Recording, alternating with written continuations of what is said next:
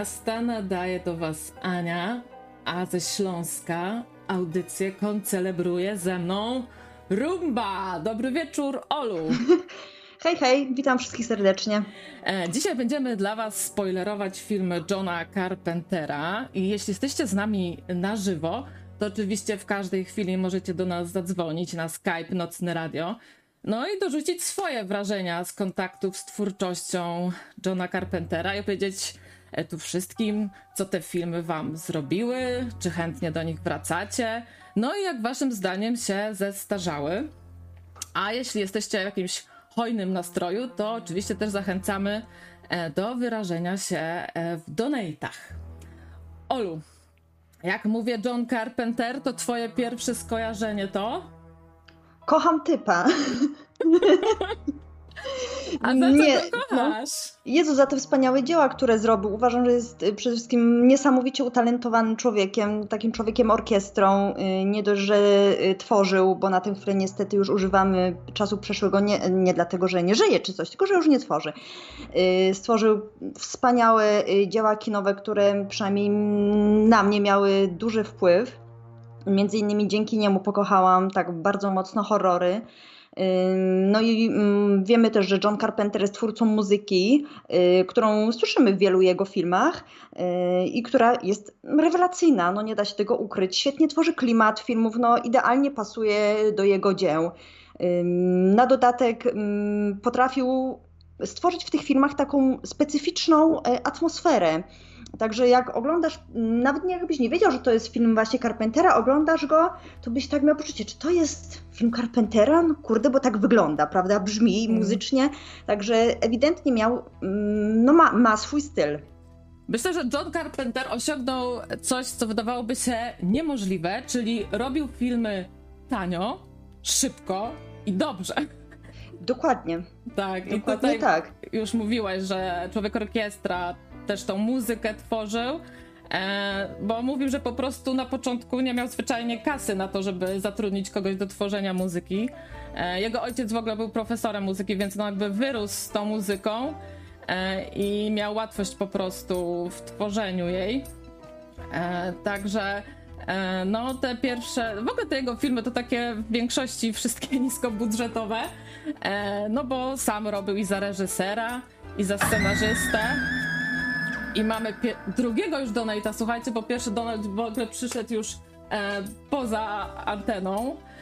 E, teraz wpłaca Jan Wojtala, pozdrawia, wspiera kanał Nocne Jest, Radio. Dzięki. Dziękujemy serdecznie. E, Sławę też wrzucił 6 zł i 66 groszy. Dzięki. My tu z e, Olą się potem podzielimy tymi donatami.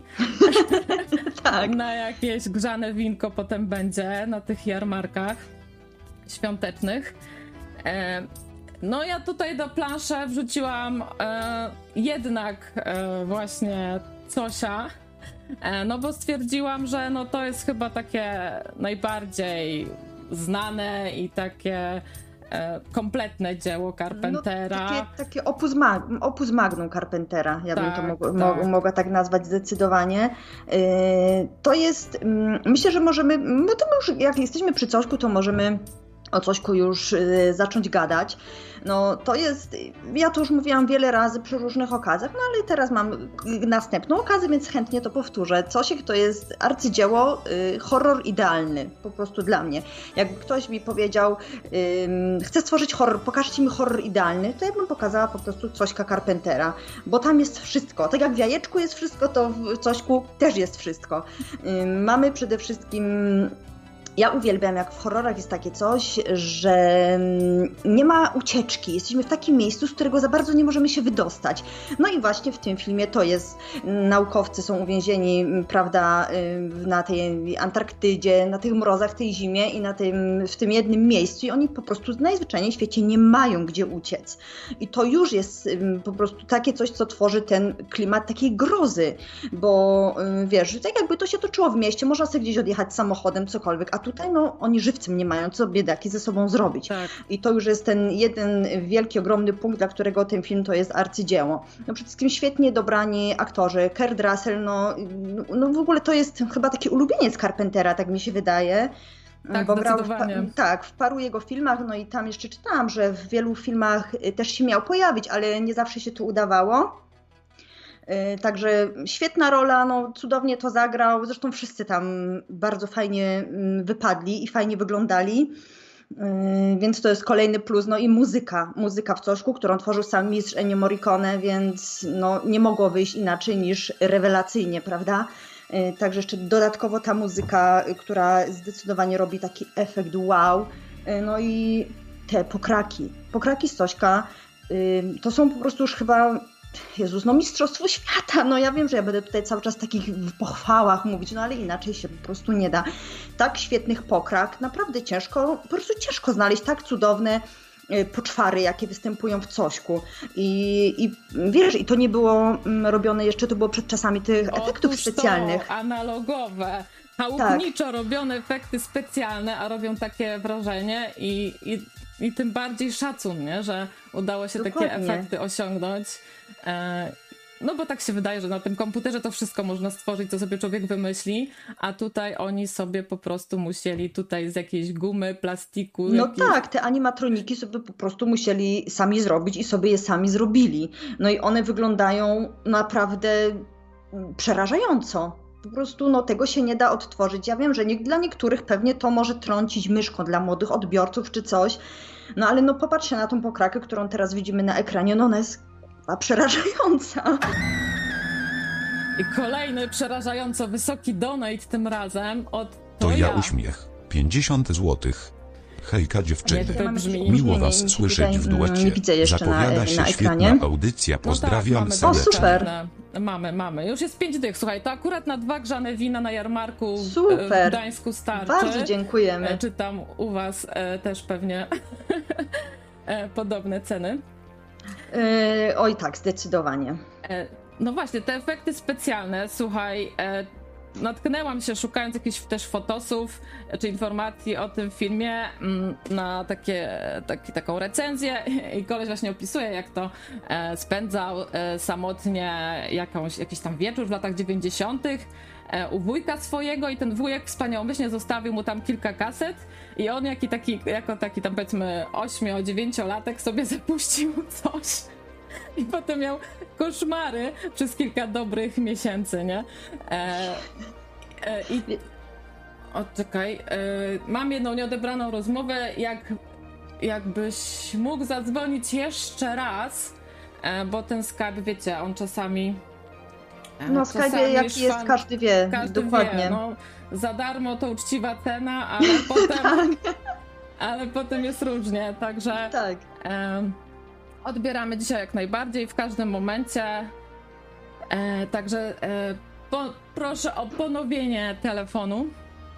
E, ale słuchaj, e, jak czytałam o tym e, filmie, e, to okazuje się, że wtedy, kiedy nastąpiła ta premiera, no to to była totalna klapa komercyjna, tak? tak? tak. I wydaje się z dzisiejszej perspektywy to. O, czekaj, już, już cię widzę, Zenek, już cię widzę, już cię dołączam. Jest i on! Halo, halo? I mamy donate od Karosela e, samego. No, no naprawdę niesamowite. Ja wierzę, że to od niego. No kurczę. I to w złotówkach. Dzięki, Kurt. Lobia, lobia. hej, hej, hej. Szalom, szalom. Y Jestem człowiekiem, który czytał komiks i czytał książkę jeszcze do tego, jeżeli chodzi o Cośka. Mm. I muszę wam powiedzieć, że to wygląda w ten sposób, że książka, no to jest materiał źródłowy, starszy, on jest chyba nawet sprzed II wojny światowej, jeśli mnie pamięć nie myli. Tak, na pewno 28 rok dokładnie. No właśnie. Mm. I tam nie ma tego w filmie i nie ma tego w komiksie książce jest pokazane, jak wygląda ten obcy w swojej naturalnej formie. A przynajmniej tak się przypuszcza, że, że to jest jego naturalna forma. Jest. Mało tego, na, w okładce jednego z wydań jest forma tego potwora pokazana, tego kosmity. To jest kosmita, tak? Mm, mało tego, w książce ten kosmita jest jeszcze bardziej e, przechlapanym przeciwnikiem, no bo też nie było to powiedziane wprost y, dla tych, którzy nie widzieli. E, kosmita z cośka, dlatego jest nazwany coś, bo może się w cokolwiek zamienić, tak? Mm. E, I znaczy wszystko, co jest żywe. Może w ten sposób. E, I problem polega na, wiadomo, że jest mała stacja arktyczna, antarktyczna i wszyscy są zamknięci i w każdego się może przemienić ten, ten, ten, ten kosmita. I jest psychoza strachu przechlapane. Ja mam to wydanie, które teraz dałaś, mhm. z tym John W. Campbell i, i takie jest czarno-biało niebieskie, mhm. ale jest jeszcze starsze wydanie, gdzie jest oryginalna forma tego kosmity. I w książce, wyobraźcie sobie, ten kosmita ponad to wszystko jeszcze jest telepatą. Mm. Znaczy, nie wiadomo na ile on jest w stanie czytać y, myśli, ale na pewno jest w stanie mieszać w głowach ludziom. Ciekawe jest skąd się w ogóle wziął pomysł y, Johnowi Campbellowi na cośka. Okazuje się, że jego mama miała siostrę bliźniaczkę i to tak, była wredna ciotka i, i po prostu dla niego największą traumą było to, jak ona przyjeżdżała E, I to było to, nie? Że on myślał, że to jest ta jego kochająca mama, a okazywało się, że nie, że to jest ta wredna baba. Więc tak Co to się został zaczęło. stworzony na podstawie wrednej, na podstawie wrednej ciotki, nie no super! To zła kobieta była i dzięki temu ta historia. A potem mu się to wyklarowało, jak natknął się na jakąś właśnie relację z nieudanej wyprawy w okolice bieguna południowego E, mówi się też, że jakaś była możliwa inspiracja Lovecraftem, takim opowiadaniem tak, tak, w górach tak. szaleństwa. Roboczy tytuł to był Piekielny Lud, a ostatecznie w 1938 roku wydał to pod tytułem Kim jesteś? I to było w tym... Who goes there? E, sta... To idzie. W zasadzie powinno być bardziej domyślne. Tak, tak, wiesz, bezpośrednio. Tłumaczenia piękne i wierne, wiadomo, przepraszam. Tak, tak. I on to wydał pod pseudonimem Don A. Stewart i tutaj macie właśnie wydanie Astounding Science Fiction, e, gdzie to się ukazało pierwszy raz. Tutaj w lewym górnym rogu jest tutaj ten, e, ten jego pseudonim. No i tak, i on e, był drugim najpoczytniejszym wtedy, w tych latach 30. twórcą e, tego gatunku. No ale niestety to się nie przekładało na żadne wyniki finansowe, a że już miał e, dziecko, żonę. E, tak, więc po prostu został redaktorem tego czasopisma i pełnił tą rolę do 71 roku. E, I tu zawsze takie, taka, takie zastanowienie, co by było, gdyby jednak e, się zdecydował na pisanie tych historii, a nie redagowanie prac innych, nie? E, co do, co do jeszcze samej książki, to to wydanie, które przedtem pokazywałaś, to nowe wydanie, najnowsze, mhm. ono posiada jeszcze w środku kontynuację, żeby było zabawniej. Czyli tej historii, co się dzieje po y, tej akcji tam na biegunie, y, to jest jedna rzecz. Mm, w oryginale, znaczy w filmie buduje jakiś tam UFO, coś takiego, ten kosmita, a w tym w książce buduje no coś innego. Przeczytajcie sobie, polecam. Tak, to jest fajna e... książka, bo tam jest i o tym Johnu Campbell, Campbellu, tak, jak to skąd ta historia, jego taki życiorys, potem ta, wiadomo, to jego opowiadanie, ta kontynuacja, no i potem odbiór e, tych e, filmów. E, także tak, takie kompendium dobre to jest wydanie. Gorąco, gorąco polecam. Chyba drogo nawet nie kosztuje. Jak gdzieś zobaczycie, to, to bierzcie bez zastanawiania się. I to też nie jest jakiś wielki bryk, nie? Żeby nie było. E, to jest to. Mm, tak samo komiks jest kontynuacją. Komiks się dzieje po tym, jak, y, mm, jak mu tam jest y, McReady i chyba on się Childs nazywał. Childs tak. się spotykają w, w, w, w e, to jest, jak to się nazywa, Ziemia Ognista albo Argentyna czy Chile, coś takiego gdzieś tam w Ameryce Południowej na jakiejś wyspie. No i zaczyna tam wyrabiać ten, ten, y, ten kosmita. Tutaj już dużo nie zaspoileruję. Nie jest jakiś może turbo wybitny, ale jest fajny i też polecam. Na Read Comic Book Online znajdziecie. Po angielsku, nie wiem czy był wydany po polsku. I oczywiście była jeszcze, yy, była jeszcze, yy, był prequel filmowy The Thing Y, z 2011 roku, gdzie główną rolę grała y, Mary Elizabeth Winstead, tak? Czyli mm. sobowtórka młodej żony y, Ewana McGregora, który zostawił swoją żonę dla swojej sobowtórki młodej żony. Ale dobra, to jak już mówisz o tym, Zenek, o tym prequelu, to może pomówmy o tym filmie, e, bo tam też było właśnie jakaś, jakieś fatum nad, nad tymi filmami, też było wielkie oburzenie fanów. E, e to... Były problemy finansowe i oni chcieli zrobić oryginalnie te animatroniczne efekty, o których mówiłyście, które są moim zdaniem rewelacyjne i z tego co wiem, Aniu, pozwolę się nie zgodzić, młodsze pokolenie, któremu to żeśmy przedstawiali, to jest piekło wzięte i zadowolone z tego, że to super wygląda i jest fajny film. E, ale bo nie wiem, e, znaczy powiem Ci tak, może się wydawać, że te takie w jednej osi ruchy tych, e, w jednej góra, dwóch osiach, dwóch osiach ruchy tych wszystkich animatroników mogą się wydawać jakieś takie nienaturalne, ale wydaje mi się, że to jeszcze tą dolinę niesamowitości w odpowiednim kierunku posuwa i dlatego to się wydaje jeszcze bardziej obce. Że to się w pewnym momencie te pokraki nie potrafią ruszać tak naturalnie. Tak, to jest, to jest najgorsze. dla mnie to jest najgorsze. Ja y, właśnie we wszystkich horrorach, ja, dla mnie najgorsze są takie pokraki, które właśnie tak chodzą tak jeszcze tak trochę niestabilnie, czy tak, tak dziwacznie. To jest przerażające i właśnie to jest super uwaga, y, bo przynajmniej dla mnie, na mnie to działa mega po prostu dziwnie i, i ja się wtedy boję. Mm. A co to, no właśnie tutaj wrzucam tą pokrakę z tego prequela, mi się ona bardzo podobała. I słuchajcie, to jest tak dokładnie Zanek jak mówisz, e, że ci tacy wierni fani tej wersji z lat 80. E, byli trochę niezadowoleni, ale właśnie ci młodsi oglądają namiętnie tą wersję z 2011 roku. Halo, halo. I w 2022 roku, słuchajcie, e, to był drugi najczęściej oglądany film na Netflixie. Y, bo, ten, y, bo to był to jest całkiem niezły film tak naprawdę. Tak, tak. No, tak. On jest całkiem był. niezły. Te efekty, wiecie, tylko że problem z, z CGI, z komputerowo generowanymi efektami jest taki, że yy, jak są ciulowe, to je widzisz, że są komputerowo zrobione. Jak są dobrze zrobione, to nie widzisz, że one są w ogóle zrobione. Mm. Yy, więc nie wiem, ile tych efektów tutaj się uchowało mechatronicznych, które były fajne, żeśmy ich nie widzieli. E, nie wiem, jak wyglądała sytuacja. Znaczy, te niektóre tutaj komputerowe były takie nie bardzo. Plus tam jeszcze była jakaś taka troszkę sytuacja, że on plomby w zębach były, no jakieś takie detale niekoniecznie kanoniczne, no ale wiadomo, że musieli to jakoś w czasie, mm, w czasie po, pozmieniać. E, jakby to powiedzieć, ja to biorę na klatę, że te efekty nie są idealne, że te animatroniczne były lepsze, no bo wiadomo, że teraz to prawdopodobnie jest droższe, bo już nie ma tego rynku, tak? Jest mniej osób, które się tym zajmuje. Jakiś Grant Imahara to wtedy chyba, no nie wiem, czy już nie żył, czy, czy jeszcze żył i inni tacy z tego, z pogromców mitów, którzy by to mogli zrobić. Plus to też zajmuje czas, jak ktoś się spierniczy, to nie robisz, po prostu sobie nie wgrywasz backupu, tylko musisz od nowa robić makietę albo coś, tak? Ufajdasz się klejem, też nie jest tak obsiub. E, trudniejsze są te efekty. Moim zdaniem lepsze powinny być więcej. To nie powinna być jakaś wymarła całkowicie sztuka. Tym bardziej, że w ogóle w filmach teraz te efekty i widać to w march marchlewie, nawet ludzie tak bez gustu, którzy oglądają MCU, to widzą, że te efekty są coraz gorsze. E, mm, a tutaj one były w miarę jak na tamte czasy, tak?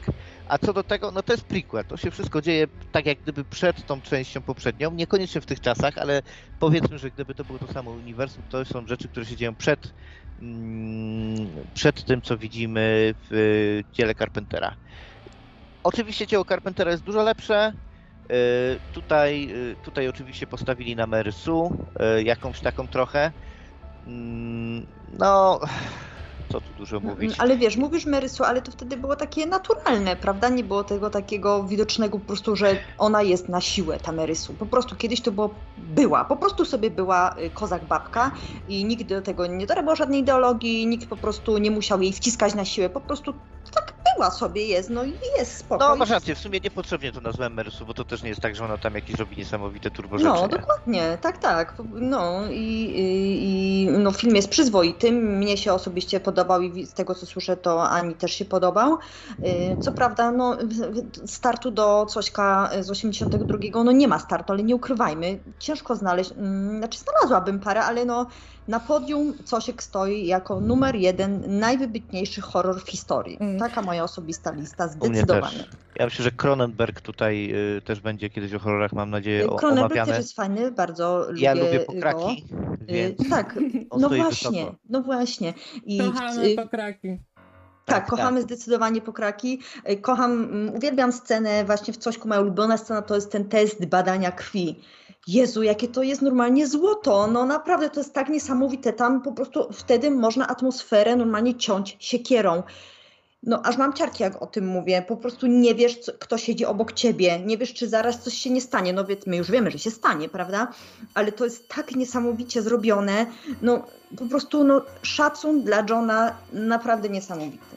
Ja mogę wam polecić, słuchajcie, grę planszową coś, nie wiem, czy już graliście, czy mieliście okazję. Najlepiej nie, ale znajomi właśnie y, no. bardzo polecają. Tu w tle tak. wam puszczam właśnie taką reklamówkę tej gry.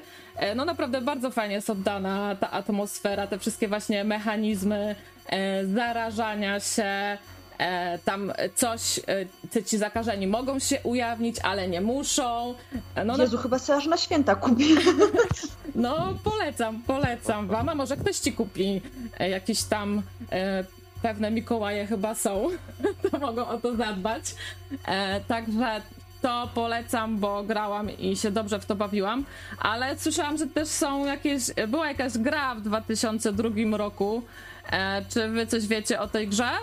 E, ja jej nie grałem, ale z tego czasu była dosyć ceniona, muszę powiedzieć. Z tego, mhm. co czytałem w recenzji, co mi ludzie opowiadali, że dosyć to była fajna gra. Z racji tego, że to były takie wczesne dosyć etapy grafiki trójwymiarowej, no to się źle zestarzała. Miejmy nadzieję, że z jakiś, może gdzieś jest jakiś fanowski remake czy coś takiego. O Jezus, właśnie widziałem to z tej sekcji. Niesamowite to jest po prostu to, jak, jak te pokraki wyglądają. Jeszcze patrzysz na te takie no, maka makabryczne rzeczy i tak się zastanawiasz, czy to może ten kosmita jeszcze jakieś inne planety gdzieś tam opanował i dlatego to jest, bo tutaj jest pies, ale tam to, to już jest nie wiadomo co, a tam to jest, dlaczego takie ten, no, no dziwne, dziwne, nie? Po prostu masakra jakaś, nie? Masakra jakaś. O, już mnie tutaj ten, e, już mnie tutaj Bierut wyprasza, i w sumie dobrze, ja jeszcze powiem tylko jedną rzecz, bo pewnie ten film będzie poruszony. Yy, no ale jeszcze ją... poczekaj, bo właśnie chciałam, przepraszam, tak ci trochę wtrąciłam, no ale to po części moja audycja, więc mogę. Bo jeszcze była taka fajna teoria, ludzie się tak zastanawiali, bo jak mamy koniec Cośka, no to Magredy i Charles jako jedyni ocalali siedzą razem i była teoria, czy Charles jest Cośkiem, czy nie jest, bo nie wypuszcza pary z ust i tak ludzie się strasznie zastanawiali, czy, czy on właśnie jest y, ufokiem, czy nie. Ale zostało to chyba jednak mm, już powiedziane, że jednak on nie był.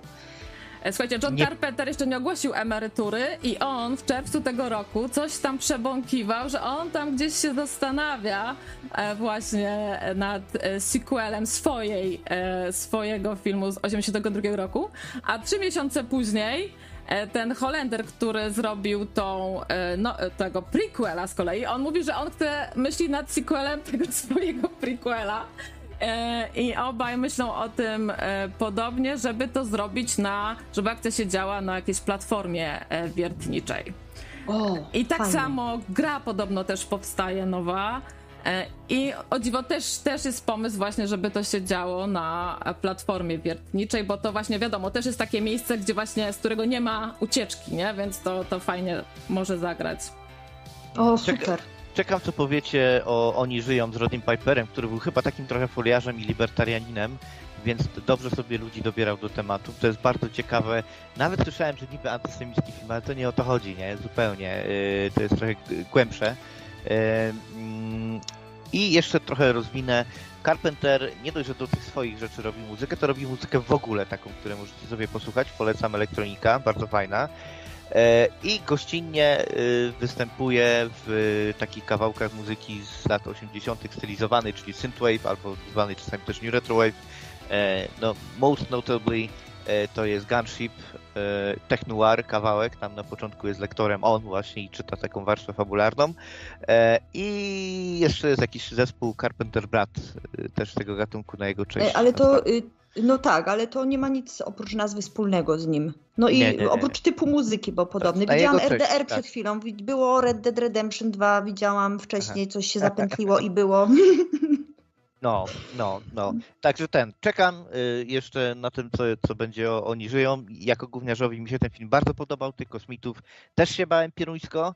I aha, jeszcze jedna rzecz. Mm. Właśnie. Y, epidemia AIDS. Epidemia AIDS to jest to, do czego też porównywali właśnie twórczość Carpentera. Zarówno oni żyją, jak i ten, jak i Cośka, nawet bardziej Cośka, nie? Mhm. Nie wiem, na ile to było dopasow dopasowywanie rzeczywistości do, do, do tego, co tam było zastane, a na ile on faktycznie jakoś troszeczkę o tym w ten sposób myślał. Myślę, że raczej po prostu w tych latach 90., kiedy był szczyt epidemii AIDS, to ludzie sobie po prostu dośpiewali. Tak? No dobra, tak... a do no. czego byś ty teraz to porównał? Jak ty to teraz oglądasz, to czy znalazłbyś jakąś taką dobrą rzecz, której by to mogło być metaforą? nie, bo to jest dla mnie, wiesz, ja to znam tyle lat i widziałem to tyle razy, że dla mnie to się stało takim, takim bedrock, takim kamieniem, yy, wiesz, takim foundation, jak to się nazywa, takim fundamentem, yy, taką najmniejszą, niepodzielną jednostką, taką, nie wiem do czego to powiem, do jakiejś Biblii, z której się bierze różne wzorce, do mhm. baśni braci, braci Grimm, do, Tolki, do światów Tolkiena. To jest dla mnie taki, o, od tego się zaczyna, na tym się można wzorować. To jest taka najmniejsza, niepodzielna, yy, ideowa jednostka kulturowa jakaś powiedzmy. I do czego bym to porównał? Nie, to jest dla mnie jakoś sama w sobie. Nie porównałbym tego. Ja jak to sobie odświeżałam, e, nie wiem, z jakieś pół roku temu, to wtedy wybuchł strasznie ten temat sztucznej inteligencji, że tam pozabiera nam pracę i tak dalej. I nie wiem, może pod wpływem tego, ale tak sobie pomyślałam, że to może być metafora tej sztucznej inteligencji, e, która po prostu zawładnie naszym życiem, będzie nas e, mądrzejsza, bystrzejsza. Ale to trochę jest... naciągane może być to no trochę. No nie, no myślę, że robisz to samo, co było z, z tą epidemią AIDS. Ja się no. nie dziwię, nie? że tak mm -hmm. jest, że ludzie jakieś aktualne rzeczy do tych już istniejących yy, rzeczy dopasowują. No był też ten przykład jakiś tam, nie wiem, czy to Szymborska nie dostała nawet maksymalnych punktów za interpretację swojego wiersza, chyba z testu gimnazjalnego czy z matury. Możliwe, no, zdarza się. E, czekaj, czekaj, patrz. I chciałem też jedną rzecz jeszcze powiedzieć i, i, i zapomniałem. No nic, kurczę, mm, najwyżej napiszę. Dla okay. mnie to jest po prostu super y, rzecz, jest świetna i, i świetnie też pokazuje temat kosmitów. Aha, wiem, co chciałem powiedzieć o sztucznej inteligencji. Sztucznej inteligencji traktuje Duna, a raczej o tym, jak się może skończyć mm, zarówno przesada, no po prostu przesada ze sztuczną inteligencją. Mhm. Y, najpierw ten świat bierze się z tego, że ludzie za bardzo sztucznej inteligencji zaufali, a później y, bierze się to z tego, jak za bardzo zakazali wręcz komputerów jako takich. Y, bardzo ciekawe uniwersum, może byśmy kiedyś ktoś z kimś obgadali, ale faktycznie przydałby mi się jakiś sidekick, mm, bo ja też jakiś turbo wybitnie oblatany w tym uniwersum nie jestem. No, no, no, no. I a co do tej samej sztucznej inteligencji, no a, nieważne. Już wszyscy się o tym wypowiadają i, i, wszyscy się na tym znają, to ja siedzę cicho, nie wypowiem się i się nie znam. Dziękuję za świetną audycję, przepraszam, że tak długo i idę na... To jest dopiero początek. No, ale że ja tak długo dzwoniłem, no i gadałem. Hej. Dobra, dzięki. Dobrze. Hej, hej. Do usłyszenia. E, jak macie ochotę, e, może jakieś swoje przemyślenia, kim mógł być ten coś, co to mogło być tak naprawdę, albo w waszym po prostu odczuciu, to oczywiście zapraszamy. E, no może jeszcze e, Olu powiedz, jak wspominasz pierwsze swoje, wiesz, e, obejrzenie coś, czy zapadło ci to w mm. pamięć? Mała Ola, jak tam tak. sobie zasiadła? Tak, wiesz to, to obie oglądaliśmy ze znajomymi i to było takie wow, opatrzczeny, co tak. ja patrzę, co ja właśnie widziałem, mózg rozjebany, prawda? To było mm. takie po prostu coś niesamowitego. niesamowitego.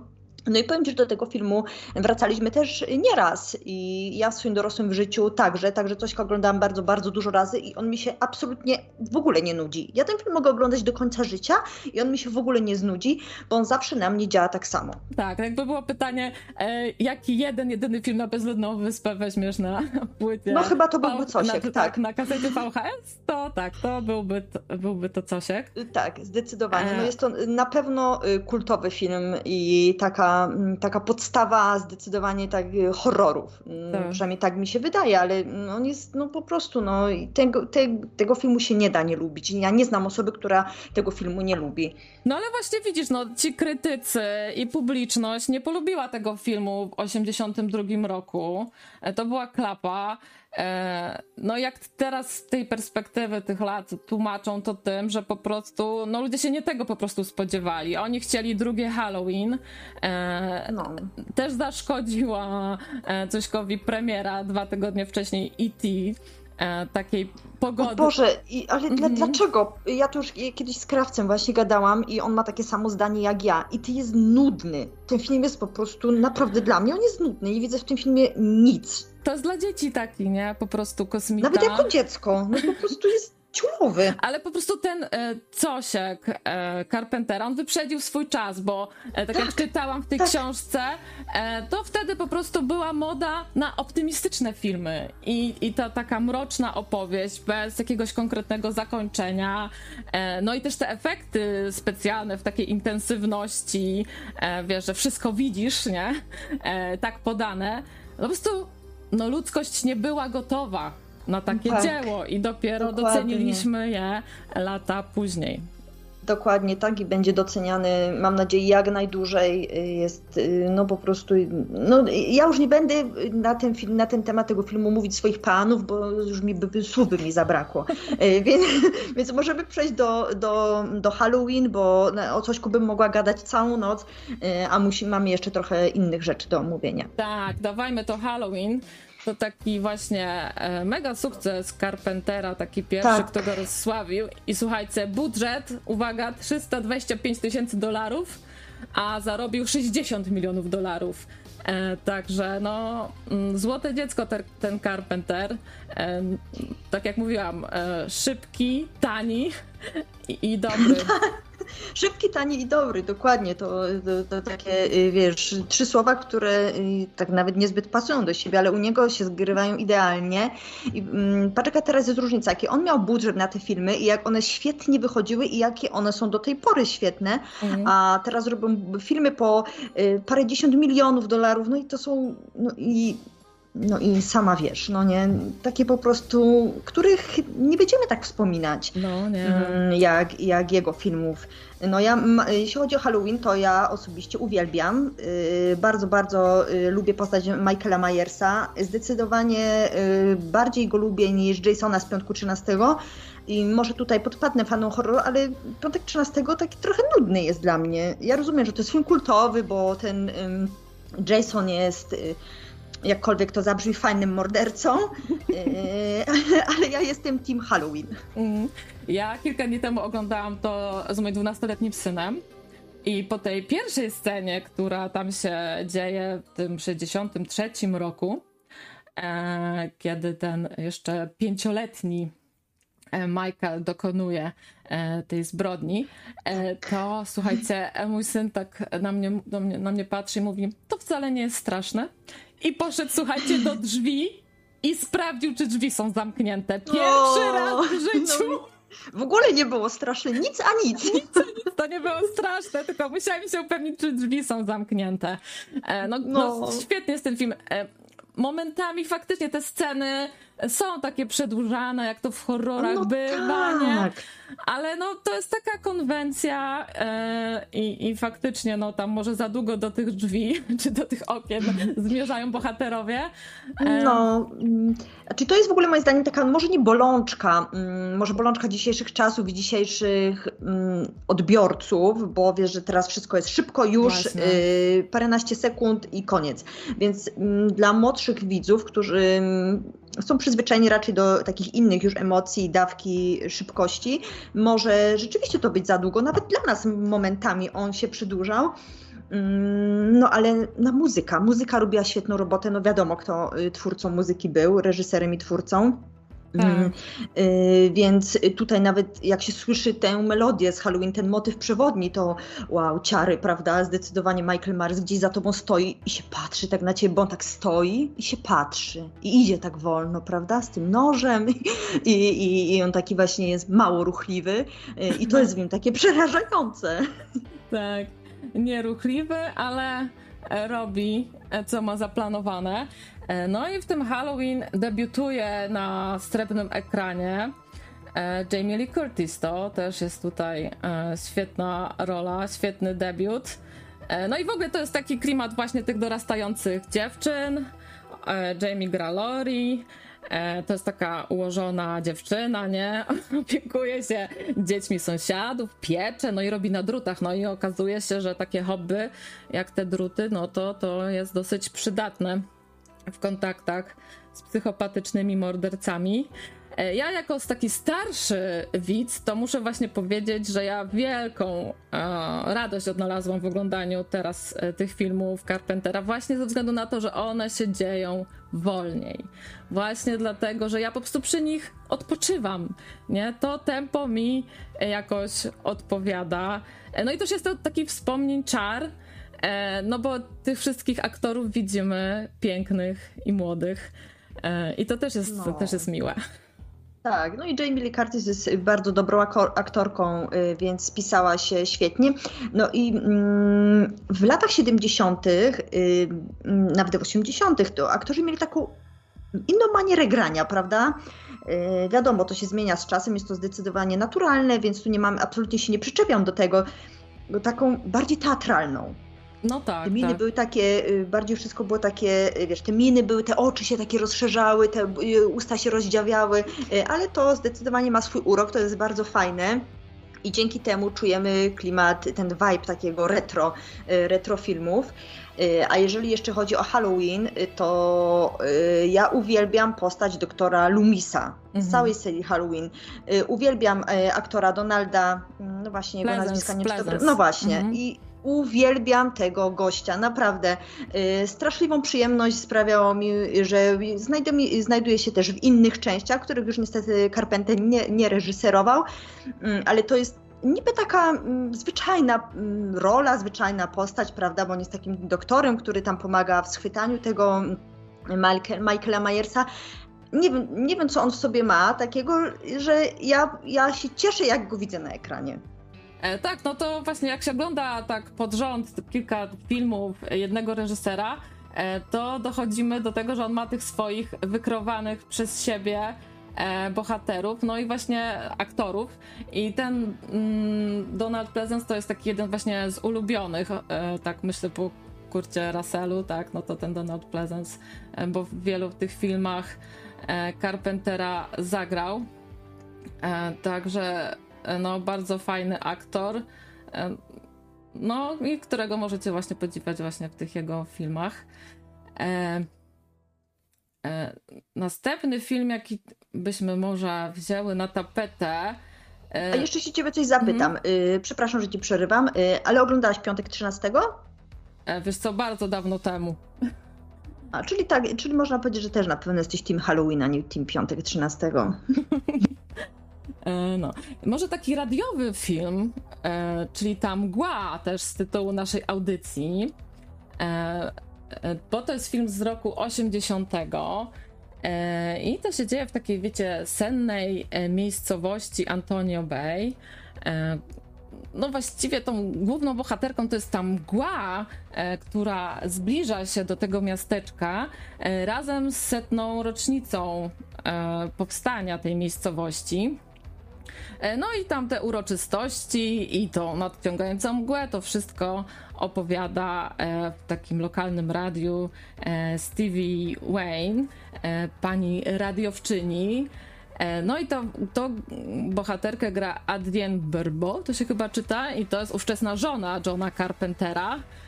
Byli małżeństwem do 1984 roku i mają razem syna, którym, który jest muzykiem i z którym właśnie e, teraz John Carpenter tą muzykę głównie tworzy, bo on teraz się właśnie na tej muzyce skupia.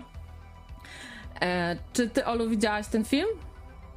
Yy, tak, Mugę widziałam yy, dosyć dawno temu, ale mhm. ja pamiętam ten yy, film, zapadł mi w pamięć. Mm, z tego względu, że mm, mamy takie małe, senne miasteczko. Ja uwielbiam w filmach właśnie takie, ten klimat tych takich małych miasteczek, tych małych miejscowości, społeczności, gdzie każdy każdego zna. I, I, kiedy coś tam się dzieje. To jest po prostu cudowne i mgła mi zdecydowanie zapadła w pamięć, bo właśnie akcja dzieje się w takim miejscu. Yy, I, i sama historia jest bardzo ciekawa. No bo tak jak mówiłaś, to jest mm, setna rocznica powstania miasteczka i okazuje się, że to miasteczko powstało mm, przez mm, przelanie krwi y, zdradzonych marynarzy. no i teraz te ich duchy powracają, żeby zemścić się na, na potomkach osób, które ich skrzywdziły. Motyw niby taki nic specjalnego, ale to bardzo fajnie jest zrobione. No wiesz, wyszło spod ręki Carpentera, więc to jest czuć, czuć to, czuć, że to jest jego film. Efekty specjalne przyzwoite zdecydowanie moim zdaniem. Mm, no i ważne Te egzystencjalne po... Tak. pytania, tak. tak? Czy odpowiadamy za grzechy naszych przodków? Dokładnie. Czy można budować na cudzej krzywdzie? E, no, także ba bardzo fajny film. E, także kto nie widział, to polecam. To w ogóle większość tych filmów Johna Carpentera to jest do, do obejrzenia na CDA za darmo. Dokładnie, z lektorem. Jeszcze z lektor... Tak, który ale... robi dodatkowy tak, klimat moim zdaniem. dodatkowy klimat. Właśnie, jakbyśmy byli z powrotem w latach 90. E, no i tak, właśnie w tej miejscowości się nic nie dzieje, ale gdy nadchodzi mgła i godzina duchów, czyli mija północ, to dzieje się wszystko. E, tak, stają e, zegary, rybacy nie wracają do portu, e, a ojcu Monroe kamień z muru kościelnego spada na biurko. I właśnie wyjawia tą tajemnicę, skąd właśnie te upiory we mgle. Także no, i tutaj też Jamie Lee Curtis gra, jeszcze też bardzo młodziutka. Ona tak przypadkowo znajduje się w tej miejscowości, bo sobie autostopem podróżuje. E, no, ale tutaj pomaga też właśnie w ratowaniu e, ludności tej, tej miejscowości, tak. E, także no, bardzo, bardzo fajna atmosfera. Także w tym świątecznym czasie jakbyście mieli ochotę e, coś nowego, to nowego, starego, to polecamy. Tak. Tak, i nie, y, tak, jeszcze dodam muzyka Carpentera, która zdecydowanie robi robotę, no jak zawsze, prawda? Y, I nie mylić z mgłą na podstawie książki Kinga. Y, bo z tego gdzieś tam, co mi się tak obiło uszy, to niektórzy po prostu jak słyszą mgła, mhm. to od razu kojarzy mi się ten film, y, gdzie oni są w takim supermarkecie uwięzionym i ta mgła y, też skrywa tam różne dziwne stwory. To też jest bardzo fajny film, też lubię. Podoba mi się w tym filmie to, że mm, on ma zakończenie trochę inne niż większość filmów, które oglądamy i horrorów y, i to jest zdecydowanie na plus. No a Mgła Carpentera jest świetna sama w sobie. Mm, no co tu dać? Czuć zdecydowanie vibe takich yy, horrorów z lat 80. No dla mnie rewelka. Mm, podobno też jakiś remake był w 2005 roku. Yy, tak, ale ciulowy strasznie. A ty widziałaś, tak? Widziałam go hmm. i no nie, no nie, no to w ogóle nie ma o czym mówić nawet, no beznadziejny, naprawdę beznadziejny. To pomijamy milczeniem, a jest i donate od E. Martinsa. Tajemnica Brokeback Mountain? Ale to chyba nie jest tego Johna Carpentera. chyba, że czegoś nie wiemy. Chyba, że John Carpenter pod jakimś pseudonimem też tworzył. E, ja to... A jest. Na podstawie moich przygód, a jak coś na podstawie. A, na podstawie y, Marcina Przygód został nakręcony. No, ciekawe, ciekawe. Y, domyślam się, kto był y, drugim kowbojem mm, w tym filmie. A jak coś zostanie, to na kurtkę dla Oli. O, dziękuję bardzo. A co, jak jesteśmy właśnie przy remake'ach, Olu, to gdybyś miała sobie zażyczyć jakiś remake Carpentera, to co byś wybrała? By wiesz, tak przybliżyć ci, młodym, młodemu pokoleniu. Powiem ci, że ja nie wiem. Nie wiem. Mm, nie wiem, co by się nadało na remake, bo to jest wszystko samo w sobie tak Idealne. świetne, że.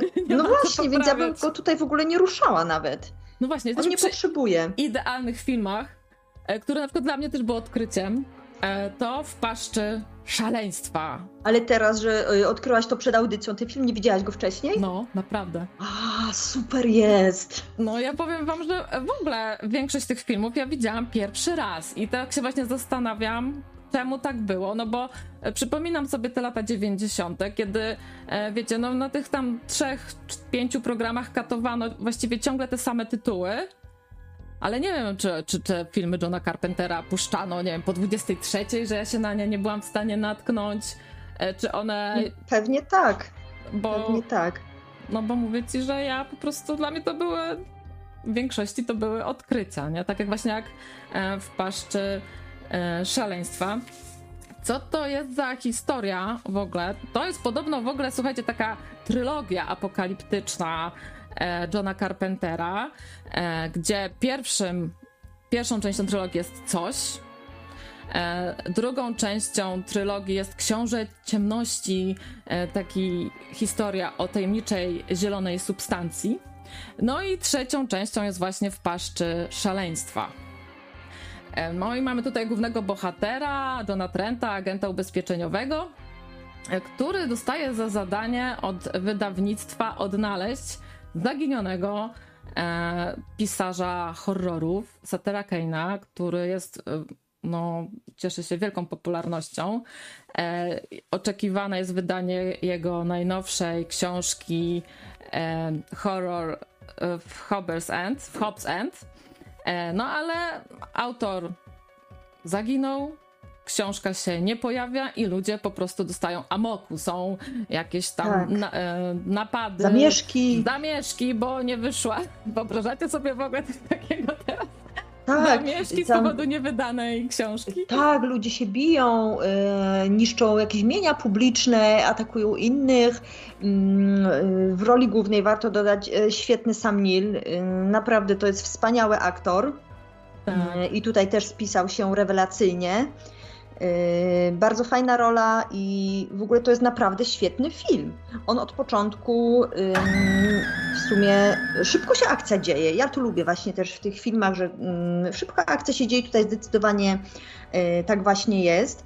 No i tak jak mówiłaś, on jest takim agentem ubezpieczeniowym, świetnym w swoim fachu, który umie rozpoznać yy, każdego fejka, prawda, każde tak. kłamstwo.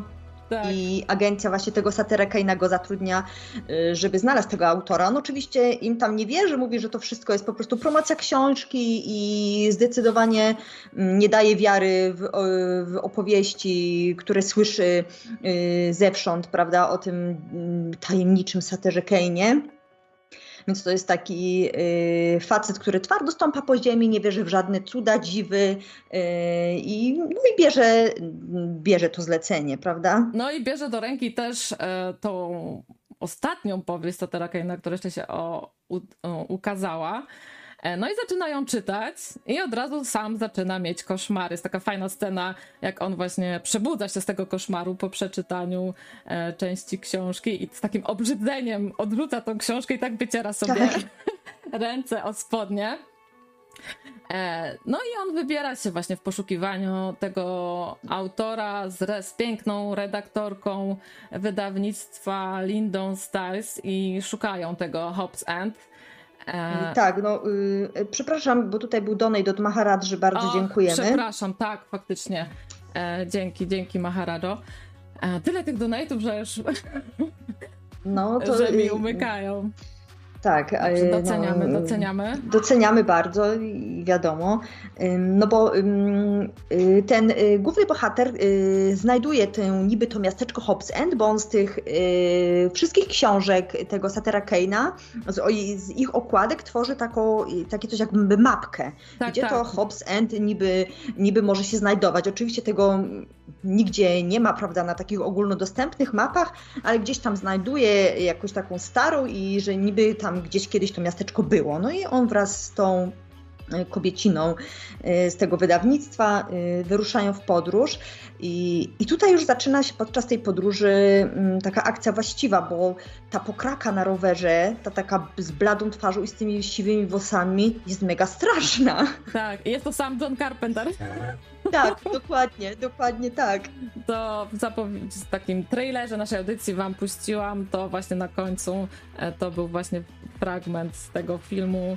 E, I tak, John Carpenter lubi czasami w swoich filmach występować i tutaj zagrał tą pokrakę e, na rowerze. E, no i zaczynają się dziać dziwne rzeczy. Dziwne jest to miasteczko Hobbs End. No. Znowu takie senne, małe no. miasteczko, to jest takie fajne.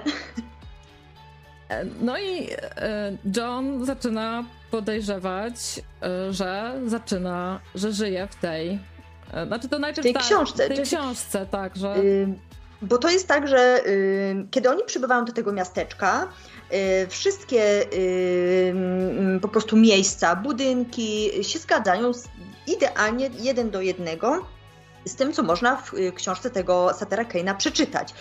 I ta współtowarzyszka jego podróży mu mówi, że w opisie tutaj był kościół, tutaj był hotel. Jak wejdziemy do tego hotelu, to za naszymi plecami, y, za recepcją będzie obraz.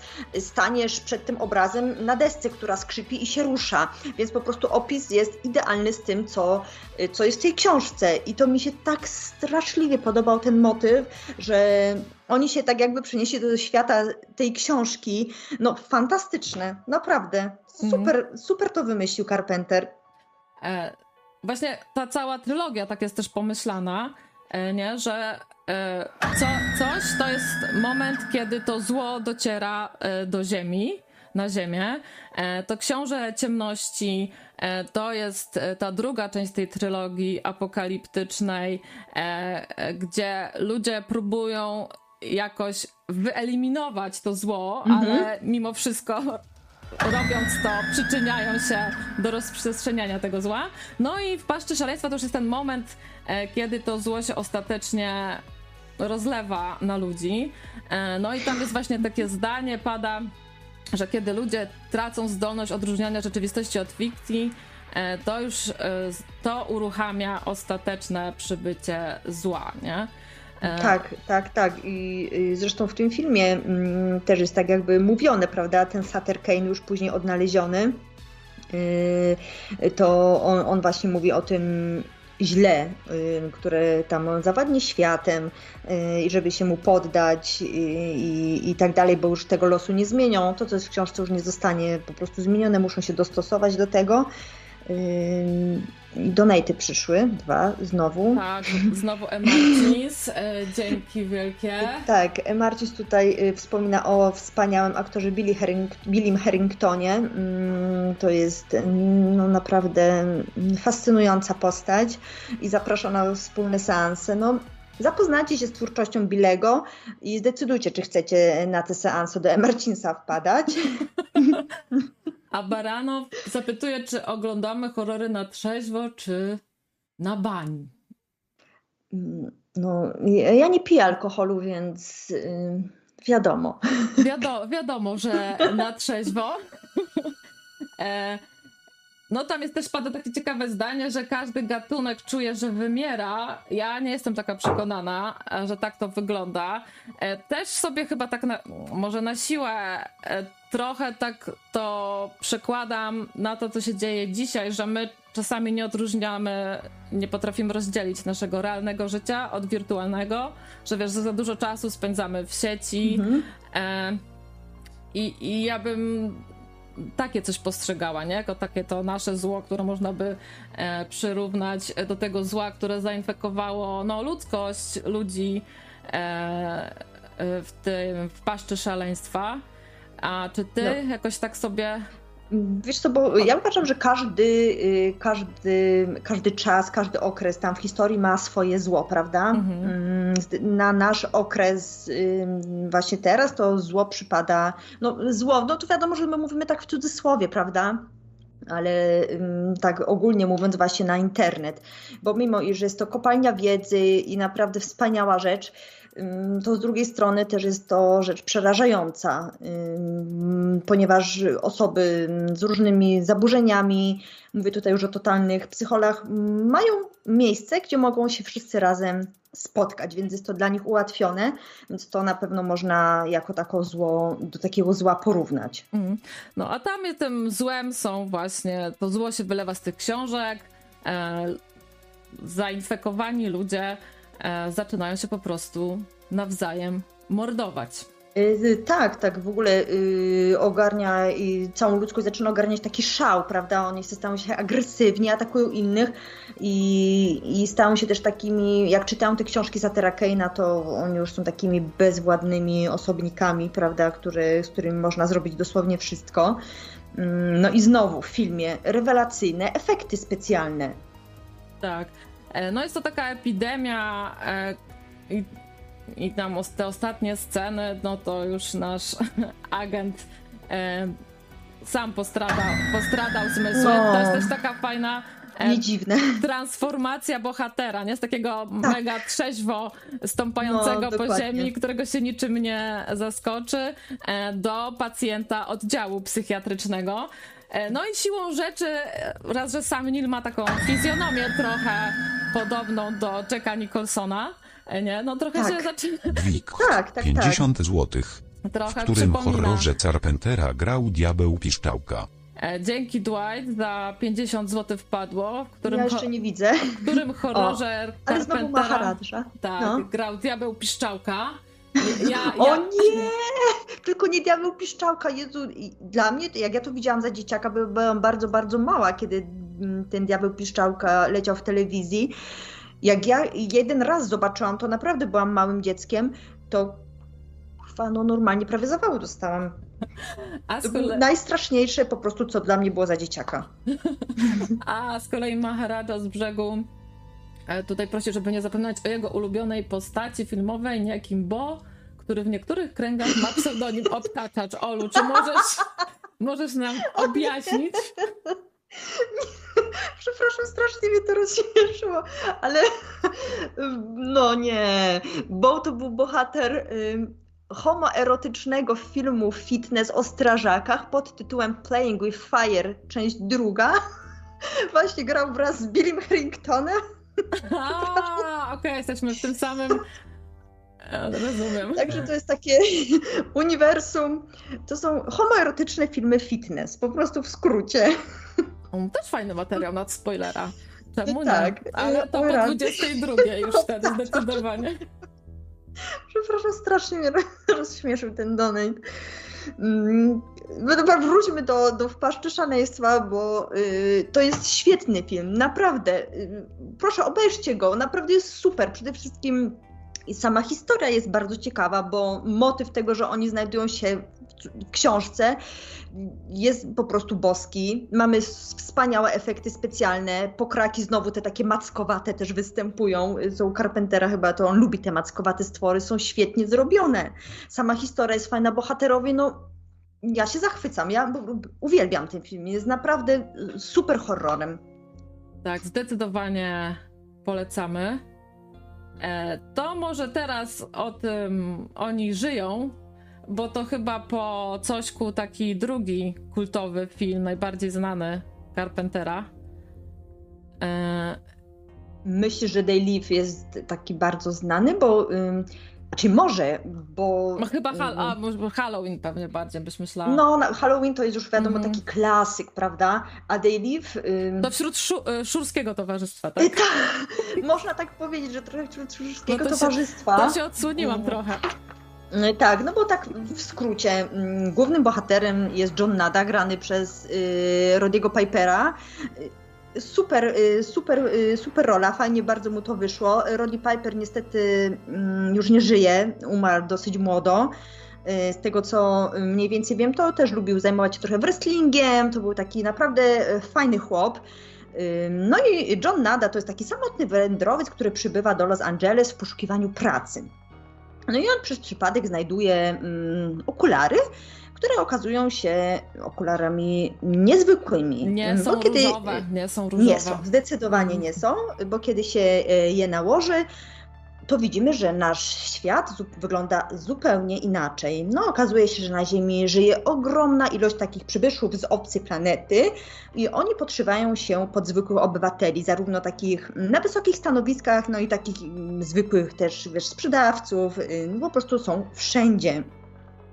I oni właśnie za pomocą telewizji, radia, y, reklam manipulują ludźmi i przekształcają w takie bezwolne, skupione na konsumpcjonizmie istoty, można tak w sumie mm, powiedzieć.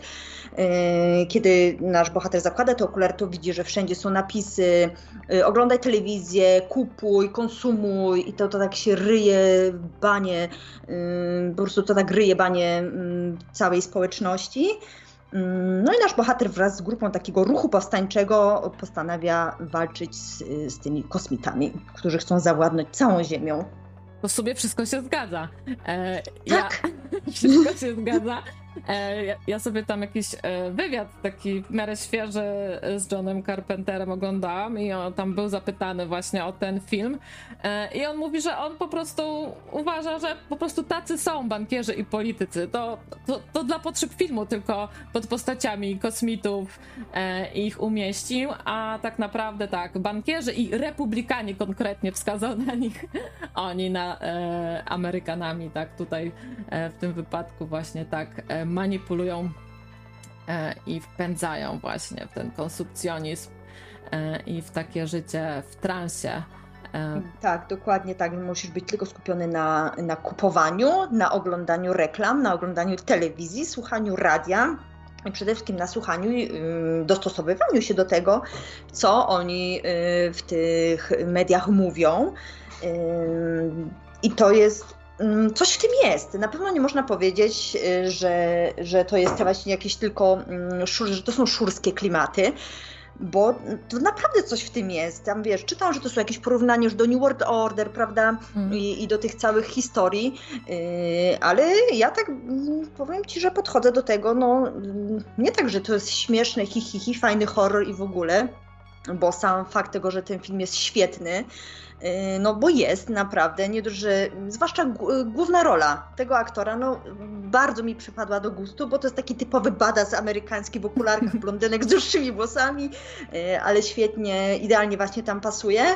Mm, I rozwala mi jedna scena, bo y, tam jest, kiedy on wraz tam już ze swoim tam znajomym, prawda, poznał takiego typka i próbuje mu Y, te okulary nałożyć, żeby on też zobaczył, co się dzieje na świecie. On tak nie chce i oni zaczynają się bić. I oni się tak biją i biją i biją. I to trwa, przysięgam, tak strasznie długo, że oni normalnie nie mogą się skończyć bić. Słuchajcie, e, Carpenter jest też... E, potrafi mieć umiar, bo on pierwotnie w ogóle w tej roli Johna Neda chciał oczywiście obsadzić Korta Russella. Wiadomo. Wiadomo. Ale też by świetnie wypadł. Też by świetnie wypadł i może by ten film by został lepiej może, wiesz, mm, e, lep, lepiej zapamiętany, no nie wiem, ale, ale miał umiar, bo stwierdził, że no już e, zagrał w Cośku, zagrał w Ucieczce z Nowego Jorku tak. i w Wielkiej Drace w chińskiej dzielnicy, także no wystarczy, będzie tego. I z takich ciekawostek przeczytałam, że na potrzeby tego filmu Carpenter zatrudnił prawdziwych bezdomnych. Tak, tak. E... Tam zażarcie oni odgrywali tam ten tłum. A Zenek płaca 5 zł i przeprasza za dyszenie do mikrofonu, bo akurat oglądał zdjęcia Anny de Armas. A to domyślam się, kto tego, kto tego donate'a wysłał. E, donaty za 10 zł są czytane, od razu mówię. Taki tam e, jest. Także ja już wiem, kto, y, kto tego donata wysłał. Pozdrawiam bardzo serdecznie w cudzysłowie Zenka. To się wyjaśniło. Tak, y, ale tak, mm, rzeczywiście Day Live moim zdaniem jest takim trochę niedocenionym filmem. Ja rozumiem, że to nie jest majstersztyk, że to nie jest Cosiek i że mm, gra aktorska to nie jest, Boże, to nie jest Gary Oldman czy jakiś Ian McShane i wiesz, i widzimy na ekranie po prostu rolę życia kogoś.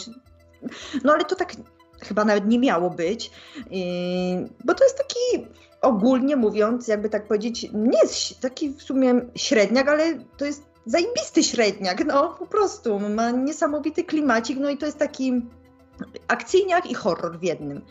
Mm, nie ma wiadomo, że tam nic strasznego, czego moglibyśmy się przerazić, tak jak to było we wcześniejszych filmach, y, ale on daje do myślenia. Daje do myślenia Prawda? chyba też no. jest taki właśnie wyprzedzający czasy swoje mi się wydaje. Dokładnie, dokładnie tak. Także tak jakby można powiedzieć, że Carpenter jest wizjonerem, po prostu. Ja bym go tak śmiało nazwała, bo jego filmy wyprzedzają yy, swoje, yy, swoje czasy, no i ten film jest cały czas aktualny, bo, bo tak naprawdę media ryją nam banie, straszą nas ze wszelakich stron, prawda? Straszą jak nie nas wirusami, to straszą nas wojnami, no po prostu wszystkim, czym mogą. oni lubią siać taką atmosferę strachu. oni z tego żyją, prawda? Wiadomo, że strach i takie negatywne emocje bardziej niestety przyciągają człowieka. Yy, I mimo wszystko, jak czytasz jakieś informacje, to tutaj morderstwo, tutaj jakiś gwałt, tutaj to, tutaj tamto. no i można w pewnym momencie, jak się nie umiesz od tego trochę odciąć, to mo można zwariować. Po tak, prostu. Ja myślę, że nam się ten strach e, wysunął na pierwsze miejsce ostatnimi laty, tak. ale w tym filmie to chyba jednak ten konsumpcjonizm, nie? To jest taki e, mm. bardziej dominujący. Y, tak, no wiesz, masz kupować, ustrzelone. oglądać, y, nie rozwijać się, po prostu siedź w domu, niczym się nie interesuj, kupuj, słuchaj, oglądaj, y, bądź takim, takim tempakiem, my się zajmiemy resztą, no. tak, spokojnie, my ogarniamy sytuację, a ty masz tylko siedzieć i nas słuchać i, i w ogóle nic nie robić i masz być szczęśliwy. Tak, a wy nie musicie tylko siedzieć i nas słuchać, możecie też zadzwonić. E, bardzo proszę, nie czekajcie, nie wiadomo ile, jak macie ochotę e, coś opowiedzieć o jakichś e, waszych wrażeniach z filmów e, Johna Carpentera, przemyśleniach. No i właśnie przede wszystkim, jak one się wam zestarzały, to dzwońcie teraz, bo my, wiecie, do rana nie będziemy siedzieć. A ty, Ola, jak uważasz, jak te filmy się zestarzały? Mm, wiesz co, mm, zależy też pod jakim względem. Ja mogę nie być zbyt obiektywna ponieważ no jestem, wiesz, wielką fanką i mogę no tak sobie, mm, wiesz, koloryzować trochę i, i, i, w ogóle, i całe te, jak to, jak to się mówi, ale tak ogólnie mówiąc, to one moim zdaniem się zestarzały świetnie, naprawdę. Ja rozumiem, że tak, każda era kina rządzi się swoimi prawami. Mm. I teraz w tym naszym roku 2020 i w górę to te filmy są trochę inne, prawda? Mamy mm, taki przesyt takich superbohaterskiego kina, takiego, że każdy jest, wiesz, każdy jest ładny, każdy jest zgrabny, każdy jest fajny, każdy jest dobry praktycznie. Tak się skupiało na tym przede wszystkim, żeby pokazywać takie, taką fajność, prawda? Mm, a w firmach Carpentera takiej fajności y, i ładności, że tak powiem, nie ma. Y, kiedyś w ogóle, mm, jak sobie oglądam te starsze filmy, to aktorzy, mm, tak powiem ogólnie, nie, że ja uważam kogoś za brzydkiego, po prostu byli tacy brzydci, byli naturalniejsi. Naturalnie, wiesz? właśnie to były takie osoby tak. z sąsiedztwa, a nie tacy Dokładnie. wymuskani.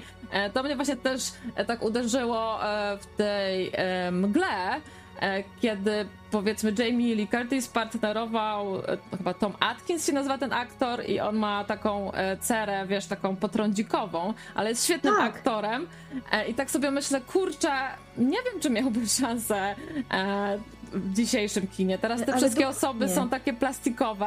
O Jezu, to jest takie nudne. No właśnie, właśnie, wiesz, no. wszystkie kobiety zgrabne, z wielkim biustem zazwyczaj, prawda, wysportowane, faceci tak samo, wysocy, y, burza włosów na głowę. A kiedyś to właśnie tak, ja teraz zwracam na to uwagę, mm. wiesz, y, facet jakiś z zakolami, łysy, y, babka, wiesz, tutaj trochę tłuszczyku gdzieś tam, jakieś te włosy, normalnie ten makijaż taki nie, po prostu w takiej swojej naturalności zupełnie inaczej się ogląda mm, te filmy. No, mm, bo tak jak mówię, ja teraz zwracam na to uwagę i ja to widzę, że ci ludzie byli tacy bliżsi nam po prostu i może dlatego tak mm, te filmy na nas wpływały dobrze i tak je dobrze zapamiętujemy, bo to był taki zwykły facet, zwykła kobieta, zwykły chłopak, dziewczyna, którego możemy spotkać na ulicy, a nie taki, którego, który widać, że po prostu przeszedł, przeszedł serię zabiegów, którego możemy sobie tylko w telewizji widzieć. Tak. No właśnie, jak jesteśmy przy tych e, łysiejących e, facetach,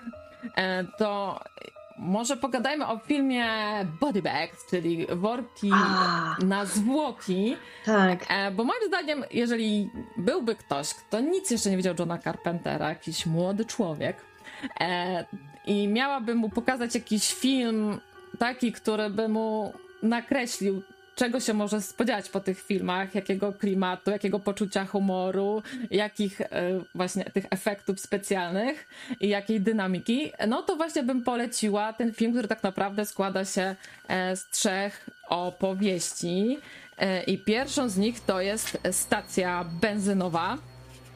W ogóle narratorem jest tutaj sam John Carpenter, to jest taki tak. E, szalony doktorek z Kostnicy, który właśnie przechadza się po tej Kostnicy i tam sobie e, śmieszkuje. Ogląda zwłoki. Tak, i śmieszkuje. I, i, i, strasznie zdenerwowany, nie podoba mu się, kiedy śmierć była naturalna, ale kiedy śmierć była nagła, jakiś wypadek o, czy morderstwo, tak. to, to już zachwycony. Um, tak, także bardzo, bardzo fajna rola. No i wiesz, my go poznajemy jako yy, właśnie tego patologa, prawda, zimnego doktora, jak to się mówi, yy, ale na końcu my już wiemy za nią, yy, kim on jest tak naprawdę. Tak, to może zostawmy wam. E, ja z tych trzech opowieści, bo tu jest stacja benzynowa takiej właśnie pięknej N, którą tutaj widzicie. E, ona ma swój pie e, swoją pierwszą nockę na stacji benzynowej. E, jak już się domyślacie po fotosie, jest to e, noc pełna wrażeń. Tak, tak. Której taki psychopatyczny morderca, maniak, maniak zafundował. Druga historia to są. Ale poczekaj, jeszcze może tak okay, zostańmy dobra. przy tej pierwszej, no nie? Okay. Yy, bo yy, tak jak mówisz, to jest yy, akcja dzieje się na stacji benzynowej, ona tak jest w ogóle taka, takim trochę odludziu ta stacja benzynowa, bo tam w sumie wokół nie ma nic. Mhm. Z, no i dowiadujemy się tam na początku, że w ogóle w mieście szaleje jakiś seryjny morderca, który zabija kobiety i tam przyjaciółka się martwi o naszą główną bohaterkę, czy, czy ona chce iść w ogóle na tę nockę na stacji benzynowej, no tym bardziej, że takie niebezpieczeństwa krążą wokół, no to wiadomo jak to w filmie, a nic mi nie będzie, prawda, wiadomo, spoko luzik, gra sobie seryjny morderca, ale no i idę na nockę do pracy. No młoda no, i bez wyobraźni, no totalnie. Tak. no, no, no, no okej, okay, no ja bym nie poszła. No ale to, to jest film, więc wiesz, w filmie się zdarzy wszystko, no nie? No i nasza bohaterka mm, sobie siedzi na tej stacji benzynowej i jak to właśnie w filmach, to najpierw y, mamy takie różne y, podchody, że a to może to jest ten seryjniak, a to może ten jest tym seryjniakiem, no ale tak z czasem dowiadujemy się, że to są w sumie zwykli klienci, jakiś tam jeden jest trochę gorszy, jeden inny jest trochę lepszy, y, ale jednak naszej bohaterce na początku nic nie grozi. No, przynajmniej na początku, bo po screenie widzimy, że już później jednak się dzieje się. Są trupy w szafach.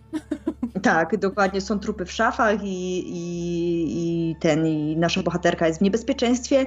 No i tutaj znowu jest to, co lubię, czyli w sumie um, mała, ma, mała, no małe, małe miejsce akcji, może tak to ujmę, y, bo y, to jest, tak jak mówiłam wcześniej, taka opuszczona, no nie opuszczona, taka na odludziu stacja benzynowa tak. i, Tam i w mamy takie... jest tylko taki duży warsztat samochodowy. Tak, tak, e, no. dokładnie. Kolejne źródło niebezpiecznych narzędzi dla mordercy. Tak, I tak, tylko tak, do tego dokładnie. to służy. Dokładnie tak I, i to jest właśnie znowu taki klimat takiego miejsca, no bo mm, w sumie ona mm, nie ma za bardzo jak gdzie uciec, e, ani czym, bo swojego samochodu nie posiada. W warsztacie są samochody tylko gdzieś tam... W naprawie. Dokładnie w naprawie. Więc ona jest też skazana sama na siebie. Niby tam kolega z pracy powiedział, że w razie wódz wojny, ale co to da, prawda? Tak. E, wiadomo, więc mamy znowu taki klimat takiego małego miejsca i bez ucieczki, no. co jest bardzo fajne. No i no, fakt tego, że pierwszy, no. pierwsza noc w pracy też jej totalnie nie pomaga. Tak, Także dokładnie ona sobie tak. sama oczywiście rzuca kłody pod nogi. No właśnie, sama sobie rzuca kłody pod nogi. Tutaj zapomnę klucza, tu się zaklinuje przez to y, i nie mogę wejść, muszę iść do tego warsztatu, w którym też są jakieś dziwne dźwięki, samochody tam nagle się sama poruszają, tam cała maszyneria, prawda? Mm. I są takie mini jumpscary, gdzie już jakieś czaśnięcie drzwiami, ktoś tam nagle jej puka w tą szybę y, i to jest bardzo fajne, bo ja lubię właśnie takie takie, takie coś, no nie, że, że ona biedna, nie wiadomo co się stanie, czy to ten, czy to nie ten, taka niepewność. No, ale później się rozwiązuje sytuacja i już wiemy, kto okazał się naprawdę mordercą. Tak. A ja, ja z kolei z tych trzech historii to chyba najbardziej mi właśnie przypadła do gustu ta druga historia, bo jest dosyć... A mi chyba też! No, jest mocno nietypowa, tak. I też jest o bardzo ważnym społecznym temacie, czyli o łysieniu mężczyzn, o tym, co oni wtedy przechodzą. I nie mówię to tego wcale totalnie żartem, mm. bo to jest fajnie oddane to, jak ten e, Richard, który łysieje, no nie może sobie z tym poradzić, co on przeżywa, jakie on ma obsesje związane z tymi e, bezczelnymi, młodymi ludźmi, obdarzonymi długimi, gęstymi włosami. Tak, super były te sceny, kiedy on tak idzie, jak stoi tam, wiesz, jest na mieście i wszędzie widzi tych ludzi z tymi długimi włosami, oni tak w zwolnionym tempie tak, są pokazani, jak zarzucają. No I łącznie z psem, który ma długie futro i ten pies też jest pokazany. W takim zwolnionym tempie, slow motion i oni tak wszyscy z tymi długimi włosami już tak całkiem po prostu rezygnują z siebie, ale w sumie no powiedz mi, czy on miał podstawę do jakichkolwiek kompleksów włosowych? E, no... Bez przesady. No bez przesady, jak na pana pod pięćdziesiątkę wszystko było w normie, no ale no ciężko z własnymi uczuciami grać. On ma bardzo atrakcyjną kobietę, która go zapewnia, że to nie ma żadnego znaczenia, e, randkują, ale no ma, on ma, ma tą obsesję na temat e, tych uciekających włosów. E, no i zakupuje na rynku wszystko, co się da, e, co mogłoby ewentualnie spowodować porost czy zagęszczenie tych włosów, łącznie z jakąś, jakimś ekstraktem z płodu e, jagnięcego. Tak. Tak, tak, ale tak. oczywiście nic nie pomaga. No, ale... no imagine my shock. no, no, ale trafia na reklamę Laboratorium Roosevelta i ich nowatorskiej e, metody aplikacji specjalnego roztworu proteinowego na cebulki włosów. E, I obiecują, że wtedy natura zostanie pokonana i on oczywiście tam udaje się do tego laboratorium, no i poddaje się temu zabiegowi. No i efekty są takie, jak widzicie właśnie na planszy. E, początkowo wygląda to naprawdę dobrze, no ale później te włosy rosną zewsząd i. Tak. I no, no niszczą to jego ciało. Tak, no na początku yy, w ogóle przede wszystkim rozwalił mnie sam fakt doboru jego włosów. Dlaczego on sobie wybrał takie długie włosy, praktycznie już pomijając to, co ma na twarzy, on sobie wybrał fryzurę taką, jak ma teraz tutaj, na tym zdjęciu, które widzicie. Dlaczego? Co to miało być? E, to właśnie przez tych młodych ludzi, co tam nosili te za długie włosy i tam zarzucali mu przed oczami. Nie, no to, no, to proszę cię, nie mów, że on nie wyglądał już lepiej, jak był trochę łysawy, niż to, co on sobie... No bo po prostu jak on wybrał te włosy, to mi się tak śmiać chciało. Dlaczego on wybrał takie długie włosy, które mu w ogóle do niczego nie pasują? No ale dobra, wszyscy byli zachwyceni oczywiście, jak go widzieli. E, no, jego dziewczyna też była wyjątkowo podniecona przy tych włosach, także tak. jednak się okazało, że te włosy jednak trochę E, pomagają, zwłaszcza na początku. Tak, nie, mimo iż zupełnie nie pasowały do niego, bo on już był takim starszym trochę panem i te włosy no, wyglądały po prostu śmiesznie, no ale miał gęste i długie włosy, no i takiego efektu chciał, taki miał.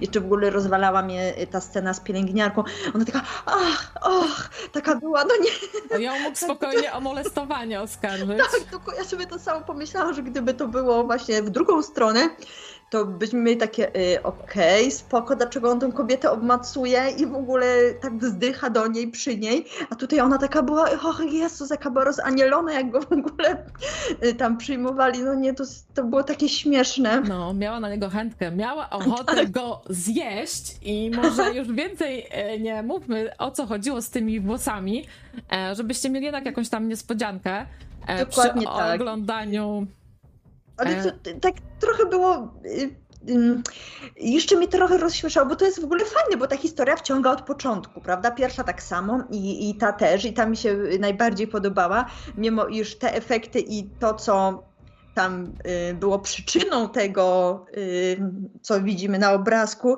to było takie trochę komiczne, bo to na pewno nie jest straszne.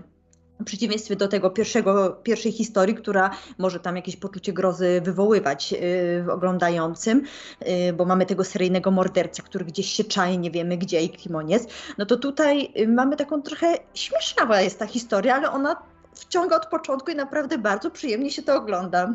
Mm. E, tak, no i w ogóle fajnie potraktowany e, ten temat kompleksów jakichś, nie? E, tak, tak na śmieszno, ale z klasą. Tak. E, także no. Dokładnie. A przepraszam, bo tutaj na czacie Lechita77 pyta, czy nie ma innych tematów, tylko o filmach? Lechita, czego się spodziewałeś po audycji, która swojej nazwy ma spoiler? E... Jest zapowiedź y, audycji, która mówi, że będzie to o filmach Johna Carpentera. No, no naprawdę czego? Wszystkim lechitom przypominamy, że YouTube jest dość szeroką ma ofertę. E, inne kanały też nadają. Dokładnie. E, konkurencyjne. Także my, słuchajcie, nikogo nie trzymamy na siłę. Nawet jeżeli jesteście fanami Nocnego Radia od lat, to naprawdę nic się nie stanie jeżeli dzisiaj was tutaj z nami nie będzie. Dokładnie tak, to bardziej, że spoiler jest od, na, mm, w Nocnym Radiu już od długiego czasu dosyć. To nie jest nowa audycja.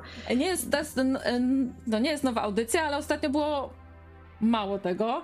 E, no i tak właśnie mm, no też tak przy okazji właśnie takich e, grudniowych, listopadowych wieczorów, e, no z siłą rzeczy trochę więcej się ogląda, ma się mniej energii na inne aktywności, no i sobie tak pomyślałam, że skoro już te filmy oglądam, to sobie można o nich porozmawiać.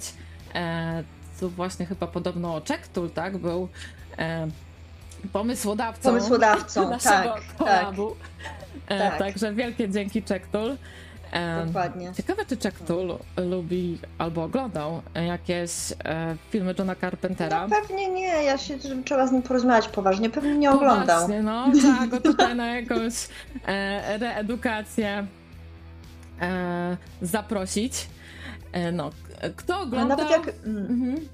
No nawet jak nie macie ochoty na jakiś długi film, to nawet te trzy historyjki, tak jak mówię, one Mm, one nie są jakieś straszne, to nie, nie spodziewajcie się horroru, jakiegoś nie wiadomo co właśnie w stylu cośka. Je się po prostu ogląda fajnie. Tak.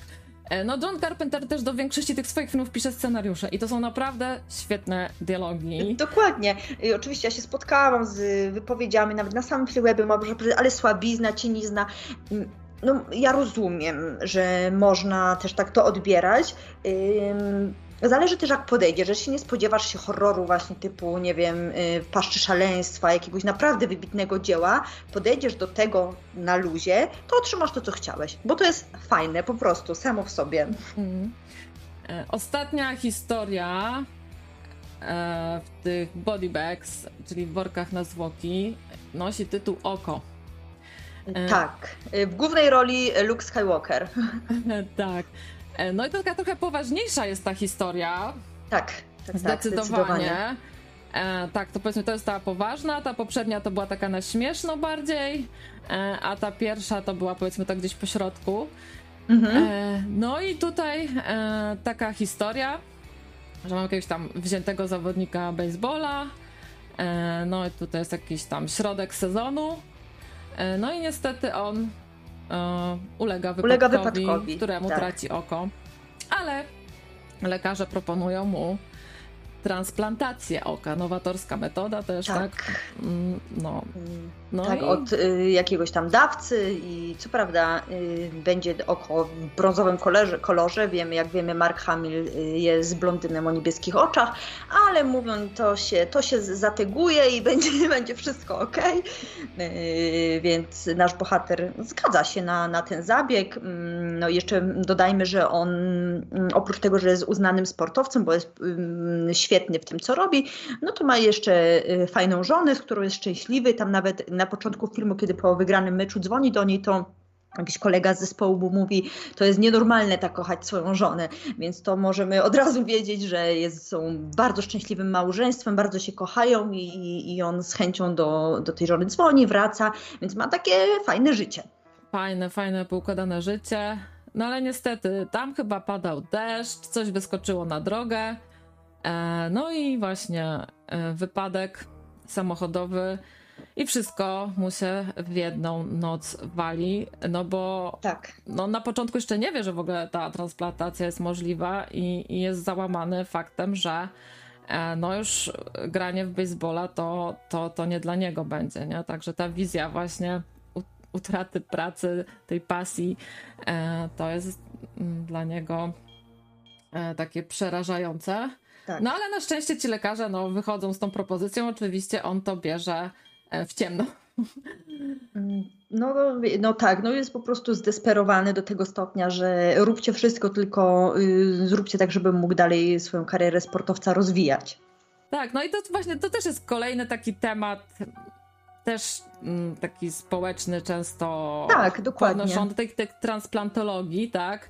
E, czy, czy być dawcą, czy nie być dawcą, czy jak my bierzemy serce tam od kogoś innego, tak? Czy, czy, czy, czy to dalej jesteśmy my? E, no i tak, tak samo. Bo, mm. Tak, bo tutaj wiesz, nieraz tak, jak sobie tak y, czytam tam różne rzeczy, to tak właśnie, oj, takie są historie, bo on się zmienił, jak tak. dostał narząd tej innej osoby, prawda? Nagle zaczął mówić w innym języku, włosy mu się nagle zaczęły kręcić. Tak, a nasz bohater, jako że ma nowe oko od dawcy, to po prostu zaczyna widzieć e, różne dziwne przerażające tak. rzeczy. I Zwłoki, to... trupy, odcięte kończyny, hmm. czy tam zmielone w takim młynku w zlewie. Tak, no i to go zmienia. Zmienia go hmm. tak. bardzo. E, Jak widać na, na załączonym obrazku, no po prostu staje się yy, rządnym krwi osobnikiem.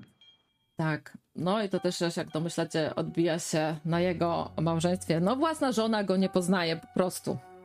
Mm, dokładnie, tak. To, to jest tak, nie tak, że on po prostu od razu nagle się zmienia drastycznie, że już na, za tydzień po prostu morduje wszystkich dookoła. Nie. Po prostu są takie wizje niepokojące, yy, dostaje silnych bólów, bólów głowy, on nie wie, co się z nim dzieje, żona też nie wie, co się z nim dzieje, lekarze też jakoś tak niby trochę zlewają temat, a to normalne, oko się musi przyjąć, to wszystko jest yy, po prostu kwestia czasu.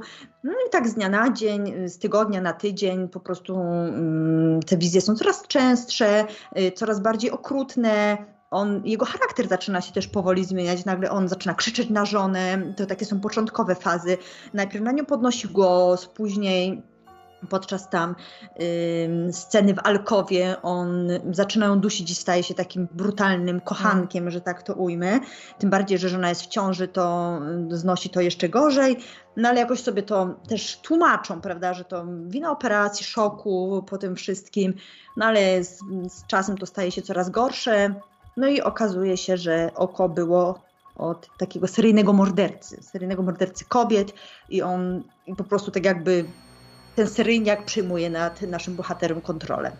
No, ale to też jest właśnie ta fajnie pokazana ta transformacja bohatera. I tak naprawdę, gdyby nawet odjąć e, tą transplantację tego oka, e, to równie łatwo sobie wyobrazić, że sam fakt tego, tak, że był ten wypadek, e, że on stracił e, tą pracę, e, że życie mu się zawodowe zawaliło, też mogłoby go do różnych e, takich przemian, może nie aż tak radykalnych, tak? E, ale na pewno. Doprowadzić. Tak, tak, tak. Mhm. A przepraszam, bo tutaj na czacie czytam. Mi się kolorowy pisze, przydałaby się też audycja tematyczna o gierkach jakiegoś dnia. No to mi się kolorowy. Proszę, zapraszam na kanał przy mikrofonie. Tam gadamy o grach. Ostatnio gadaliśmy o cyberpunku.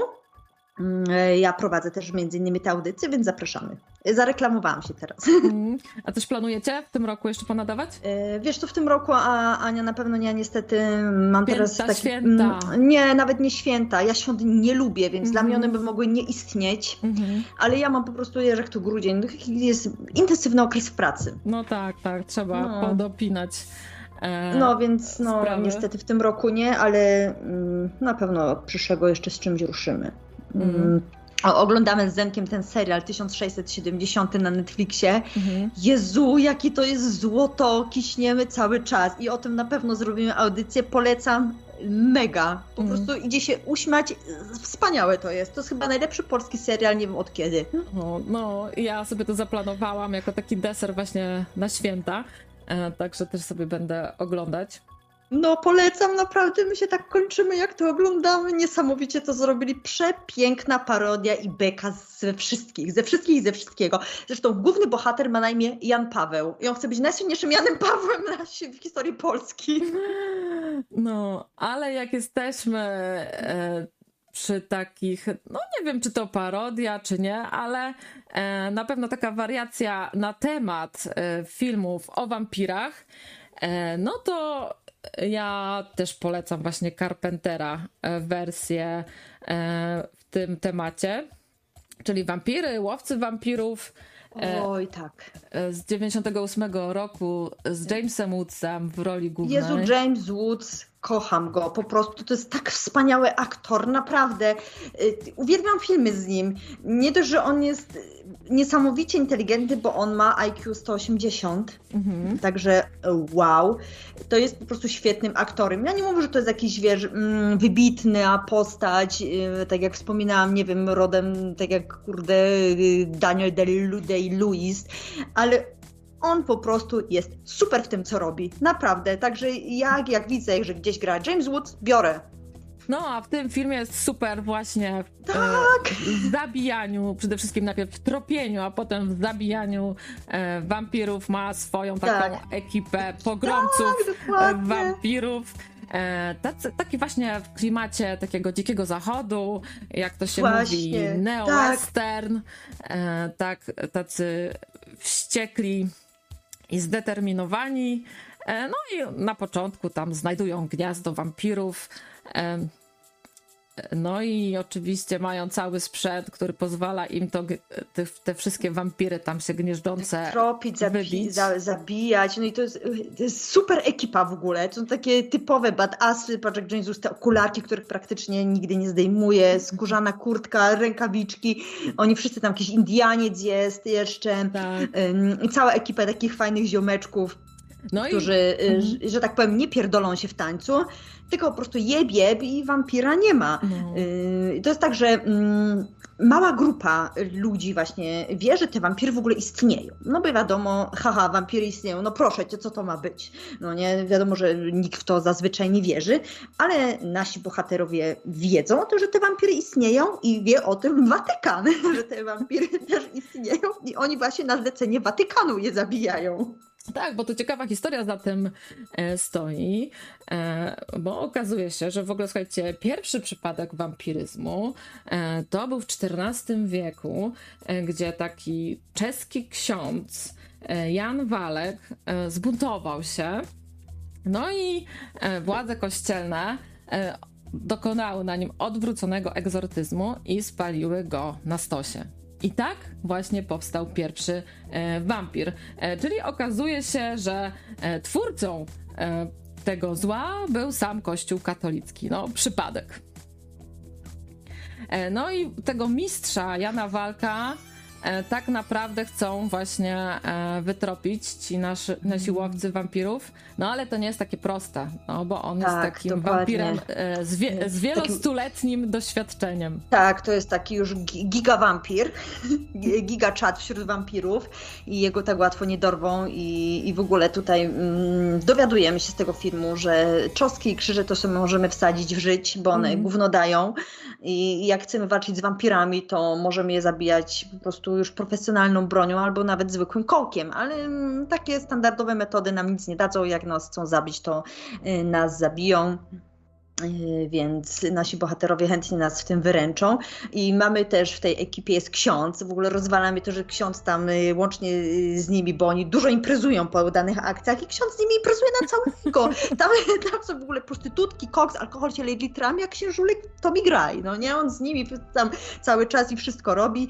Mm, niczym się nie przyjmuje, także to jest taka naprawdę świetna zgraja takich wyluzowanych typków. Tak, to zorganizowana akcja. Jako prawdziwe tak. kowboje po udanej akcji urządzają sobie swój salon w motelu, e, gdzie e, jakiś tam szeryf organizuje im panienki. Tak, tak, tak, tak, dokładnie. Mają wszystko podane pod nos. No i y, oni w ogóle, wiesz, zrobiliśmy y, czystkę, zabiliśmy wampiry, no to proszę się odwdzięczyć teraz. Y, no nie, tym, co lubimy najbardziej. Tak. Tam, są dosyć imprezowi i, i tacy mega wyluzowani. Tak, ale potem odwdzięcza im się sam mistrz, e, czyli ten kilku wiekowy wampir i no przerywa tą wspaniałą imprezę. Niestety, tak mi było szkoda tutaj tych niektórych ziomeczków, tak. bo ta ekipa była bardzo fajnie zgrana i, i bardzo fajnie dobrana i, i mi tak y, przykro, że, że z niektórymi się no, podziało źle. Tak, no i z tej całej ekipy zostaje tak naprawdę tylko James Woods, E, I, I któryś chyba Baldwin to był? Tak, Daniel Baldwin właśnie to, e, i jedna e, z prostytutek. No i tutaj też tak. jest taki motyw zakochania w prostytutce. Mm, e, tak, bo, to... no, bo ona zostaje ugryziona przez tego gigawampira, tego szefa wampirów i oni ją trzymają przy sobie z tego względu, że oni po ugryzieniu ona jest po prostu tak telepatycznie komunikuje się z tym władcą wampirów i dzięki temu um, ona może pomóc im znaleźć jego kryjówkę. Tak, tak jakby, mia jakby miała oczy od niego, tak? Jakby dokładnie tak. Tak, więc do, do, tak, tak, tak, dokładnie tak. Więc ona im, jak mają to połączenie, to ona im mówi, gdzie ten wampir się znajduje i, i jest takim ich drogowskazem yy, do, tego, do tego celu, który, który oni chcą osiągnąć. Mm. No to w tym filmie dużo takich antykatolickich zbrodni, mordowani są księża, braciszkowie zakonni, a nawet panie sprzątające tak. kościół, także tak, e, może to niektórych tak. zachęcić e, do obejrzenia. O właśnie, tak, o to jest słuszna uwaga, dokładnie może zachęcić i mamy tutaj też w złym świetle pokazany Watykan i papieża, no może tak. nie y, JPGMD, ale mamy tutaj pokazanych księży i właśnie tę władzę watykańsko. sprzedajny takim... kardynał jest. Tak, o właśnie, więc... Yy... O Jezu, przepraszam, bo... Ale coś tutaj piszą na czacie, yy, Ola tak czy nie, ale ja nie wiem Magroj o co chodzi, ale co tak czy nie. E, bardzo niegrzeczne dialogi są też w tym filmie. Tak, e... bardzo niegrzeczne są dialogi. Tak, tak takie niegrzeczne. Paniczne, bo dlaczego James Wood się pyta tego księdza, czy mu Czemu stanął? fujarka No właśnie, dryga go zabije ten... I to takie dosyć częste pytanie. Tak, Też mnie tak. to zdziwiło. No, ksiądz bez kozery? No pewnie, że tak. I to jeszcze jak. tak, jeszcze, jeszcze jak, dokładnie. ale słuchaj, Olu, czy... Mam jakiś zarzut do Tak, to ja.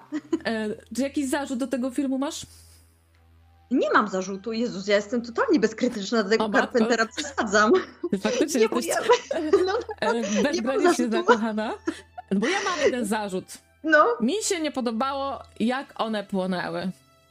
To... Ale co w tym było? Że za szybko, czy co? No tak jakby taką rację zwykłą odpalić. No ja myślę, że można to było jednak zrobić trochę lepiej. To śmiesznie te wampiry płonęły. Mm. Wiesz co, powiem ci szczerze, że tak nawet nie zwróciłam mhm. na to uwagi, bo je się dawało na słońce, one płynęły. Może tak za mało dramatyzmu w tym płynięciu było? No, no, to tak, takie, fajerwerki mi się kojarzyło, a nie jakieś takie.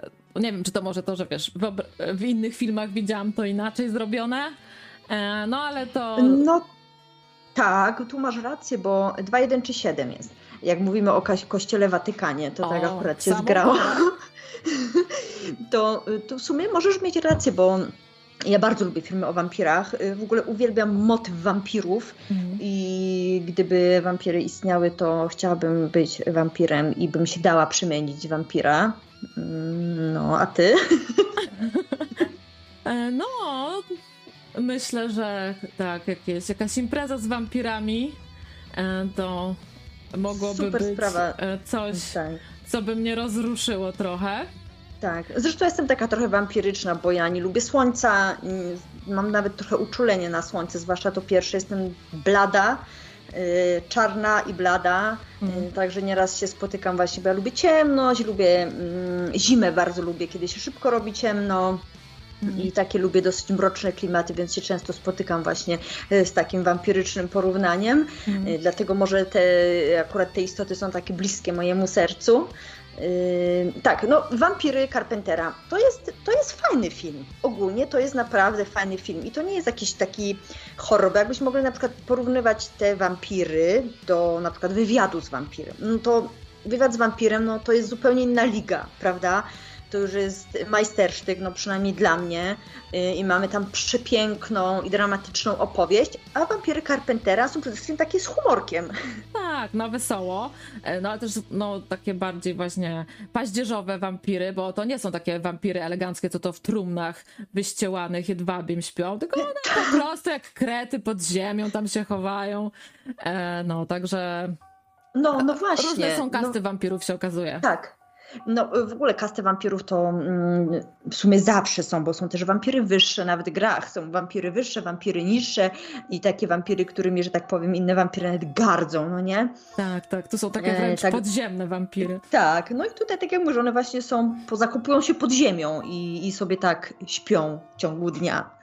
Także nie mamy takiego majestatycznego lorda wampirów i w ogóle on w ogóle fajnie wygląda, bo nie można mu absolutnie tego odmówić.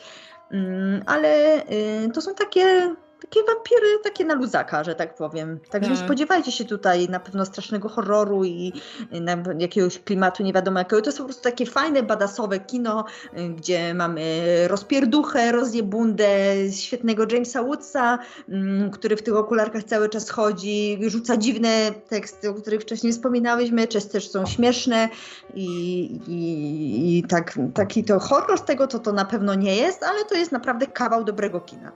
E, no właśnie, może jakiś taki zamiennik e, na Kevina, na te święta. E, ja takiego pierwszego, mogą być te wampiry, ale taki może właśnie bardziej delikatny film, który by się nadawał do takiego rodzinnego oglądania, to Wspomnienia Niewidzialnego Człowieka, słuchajcie, z Chevy Chase'em w roli głównej i z piękną Daryl Hannah. To, to jest Carpentera? To jest też okazuje się film Carpentera. Ło, e, no popatrzcie. Oczywiście też bardzo nisko oceniany przez krytyków. O no sorry, ale nie dziwię, Chevy Chase, serio, on jest takim bezbekiem. Ale słuchaj, ten film naprawdę przyjemnie się oglądało e, i też obok Chevy Chase'a czarny charakter to Sam Neill. On tu jest naprawdę bardzo, bardzo zły w tym filmie. O, to to już jest plus. E, tak, to jest taki e, czarny charakter, agent CIA. E, Chevy Chase to Nick Holloway, analityk giełdowy.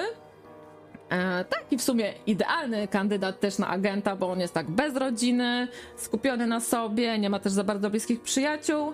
E, no i pewnego dnia jest tam e, wysłany e, na spotkanie udziałowców takiego laboratorium Magnascopic, no bo jako ten analityk giełdowy, no to chciałby posłuchać, czy warto w udziały w tej firmie inwestować. No i w trakcie tego spotkania udziałowców następuje awaria, w trakcie której nasz Chevy Chase zostaje no, staje się niewidzialny. E, I co ciekawe, całe to laboratorium znika.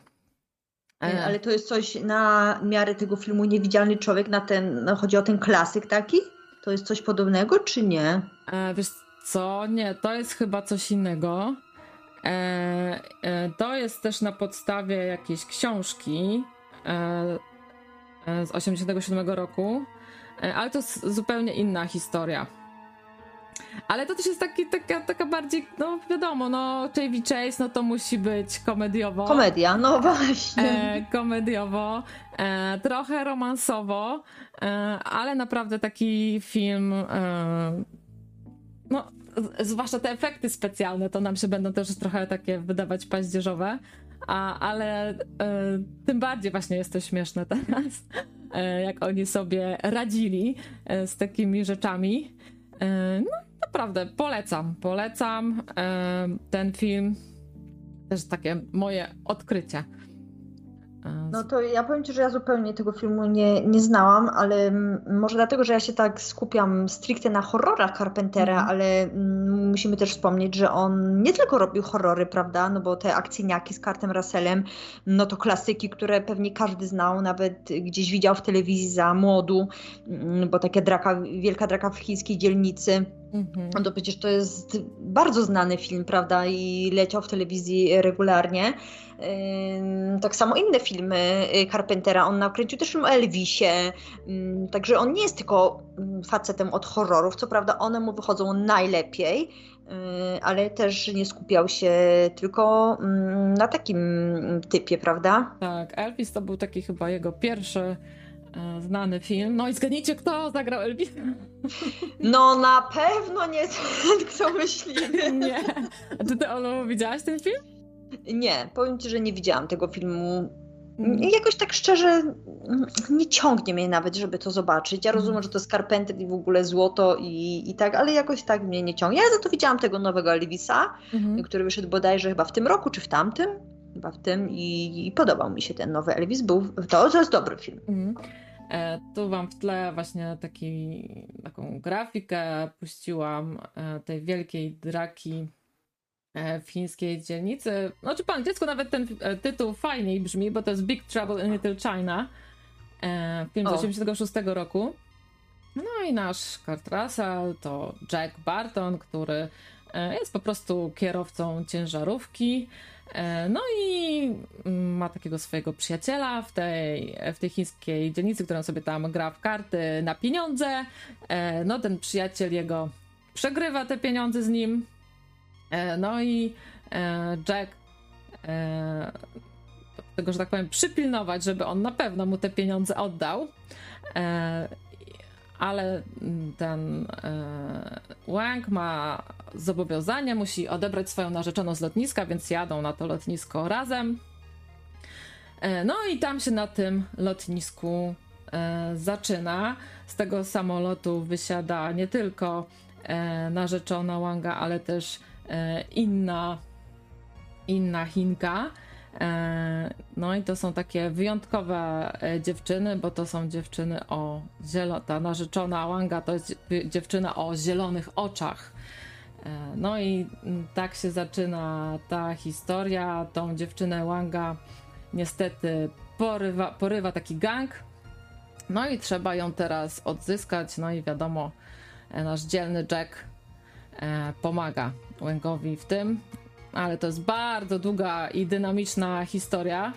E, z takich ciekawostek, kto tu zagrał, no bo wiadomo, jak jest Kurt Russell, to musi być też jakaś e, piękna dziewczyna. E, to tą Gracie Law, która towarzyszy im tutaj w tej walce dobra ze złem, to zagrała Kim Cattrall, którą no pewnie ta dziewczyny bardziej znają e, jako sama te Seks w Wielkim Mieście. Wielkim mieście tak, tak, tak. tak.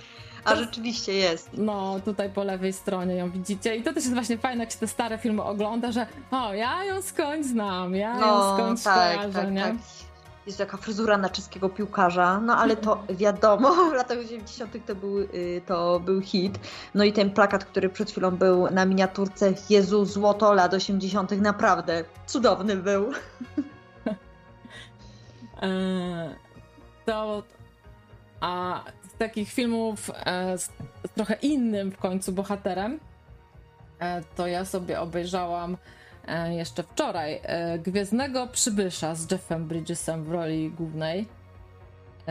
I to jest właśnie taki film, który się bardziej spodobał krytykom, bo to jest taki bardziej w stylu E.T., bo tutaj jest taki fajny kosmita. historia jest niby tak to się zaczyna, że e, no wiadomo, ludzie tam e, różne sondy wysyłają w kosmos, e, zapraszają, wysyłają pozdrowienia w 44 językach do tych potencjalnych cywilizacji.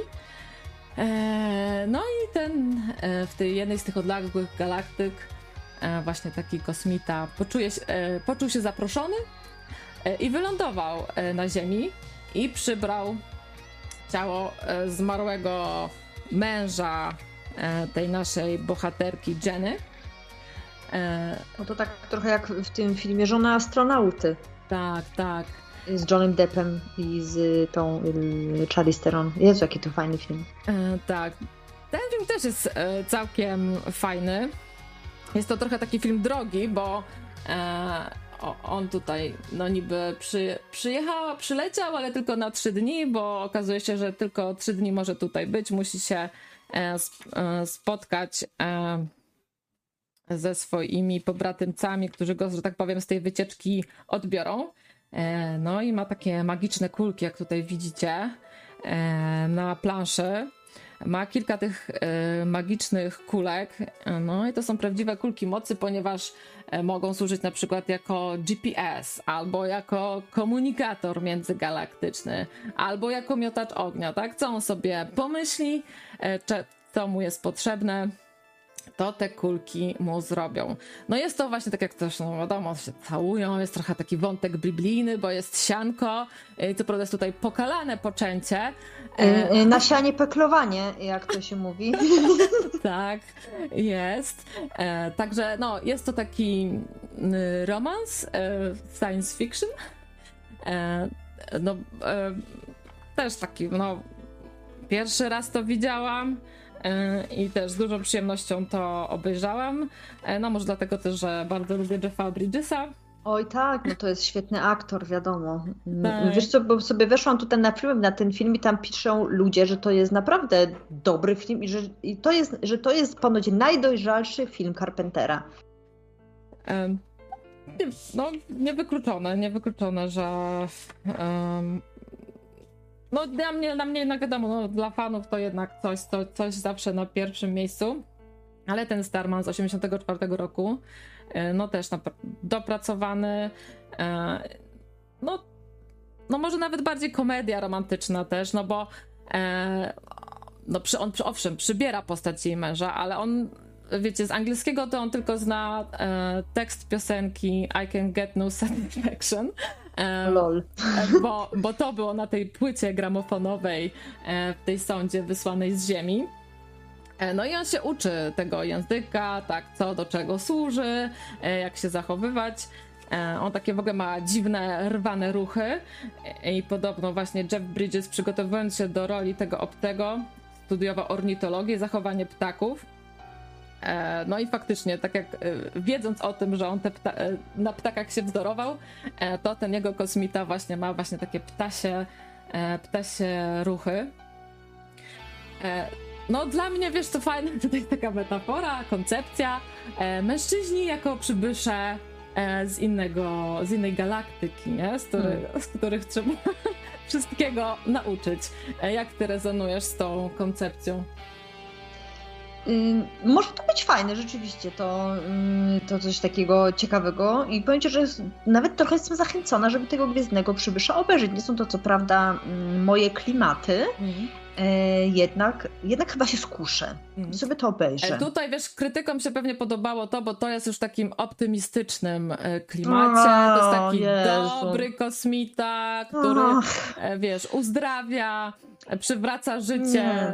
No, ale Spróbuj, spróbuj. A na antenie... O nie, to gdybym ja była krytykiem, to ja bym się w ogóle tutaj zdecydowanie ze wszystkimi kłóciła, bo mi by się podobały wszystkie złe i straszne filmy Carpentera, a te, te właśnie takie fajne, to by mi się najmniej podobały i bym była tutaj y, całkowitą opozycją do tych krytyków. Mm. Ale przepraszam, bo tutaj jeszcze cały czas już po raz chyba któryś Jan Wojtala pisze, że y, ja jestem jakąś panią Olą Filipek z RMF FM. Nie, nie jestem panią Olą Filipek z RMF FM. E, wszystko w swoim czasie, a na antenie mamy Edka. Halo Edek? Hej, hej. Czy się słyszymy? Edzio, jesteś? Halo? Tak, o, słyszymy słychać. cię. Edek? No, Skrajny kredek. Tak nam się wyświetliłeś w każdym razie. Oj, czemu tak zostało? To Oho. nieważne. Opowiadaj. Zmieniłem nick. Nie no, do, dobry wieczór przede wszystkim no, dobry panią. Wieczór. Mhm. Dobry wieczór. Cześć, cześć. Ale czemu Edek? A jak mamy do, się, do ciebie się zwracać? nie, no, może być Edek, ale od Kredek, jak, jak to prawie zmawiał. Ale ja zmieniałem sobie nick na Escape'ie i powinien być inny.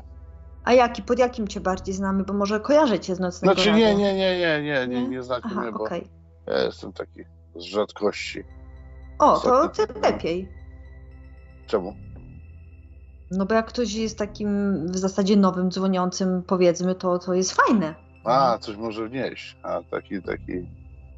No bo jakby Dobra, zadzwonił taki no to... furiat, to bym się wiedziała, czego spodziewać za nią mniej więcej, a po to by się nie wiemy. A Może nas zaskoczysz. Scytowane jesteśmy. Co nam opowiesz? O, oj, podekscytowana. nie, no aż tak to, nie. Nie, to wiecie dziewczyny, no. To którym, który film z tych, co, o których opowiadałyśmy, pamiętasz? E, ty, do któregoś Wiecie, wracasz? To... Nie, właśnie o to chodzi, że ja dopiero wbiłem się w temat. No name, mhm. 20 zł.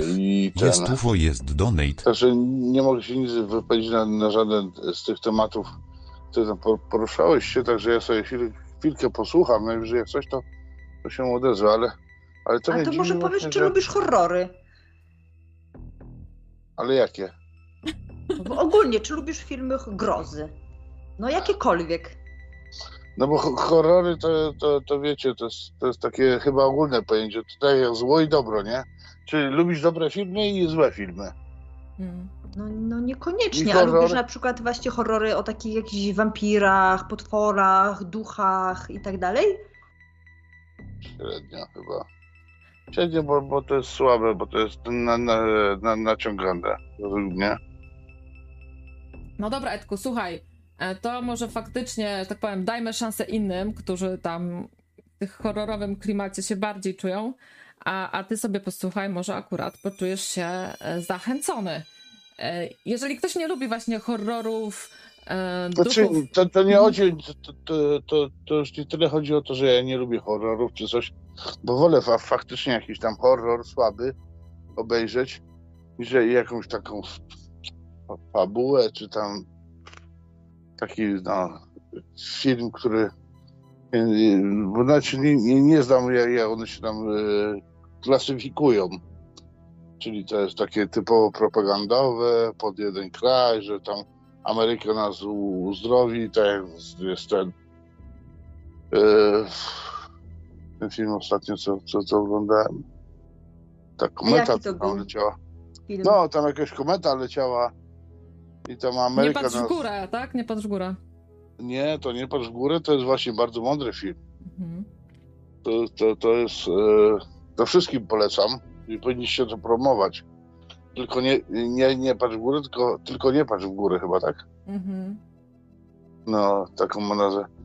Ale, ale te, te, te, cała reszta takich, takich na przykład y, na stop klatce nie wiem, kojarzycie pewnie ten, ten kanał taki telewizji, sieci. Bo to no, trudno powiedzieć, że, że no, ten, tak, tak. No, no jak one są słabe i ja patrzę, a one, one są realizowane w latach tych naszych obecnych, tam po, po, powyżej 2018 i w górę. Jak one są słabe, te filmy mm. jakościowo. I te barany oglądają. Mm. I te barany oglądają.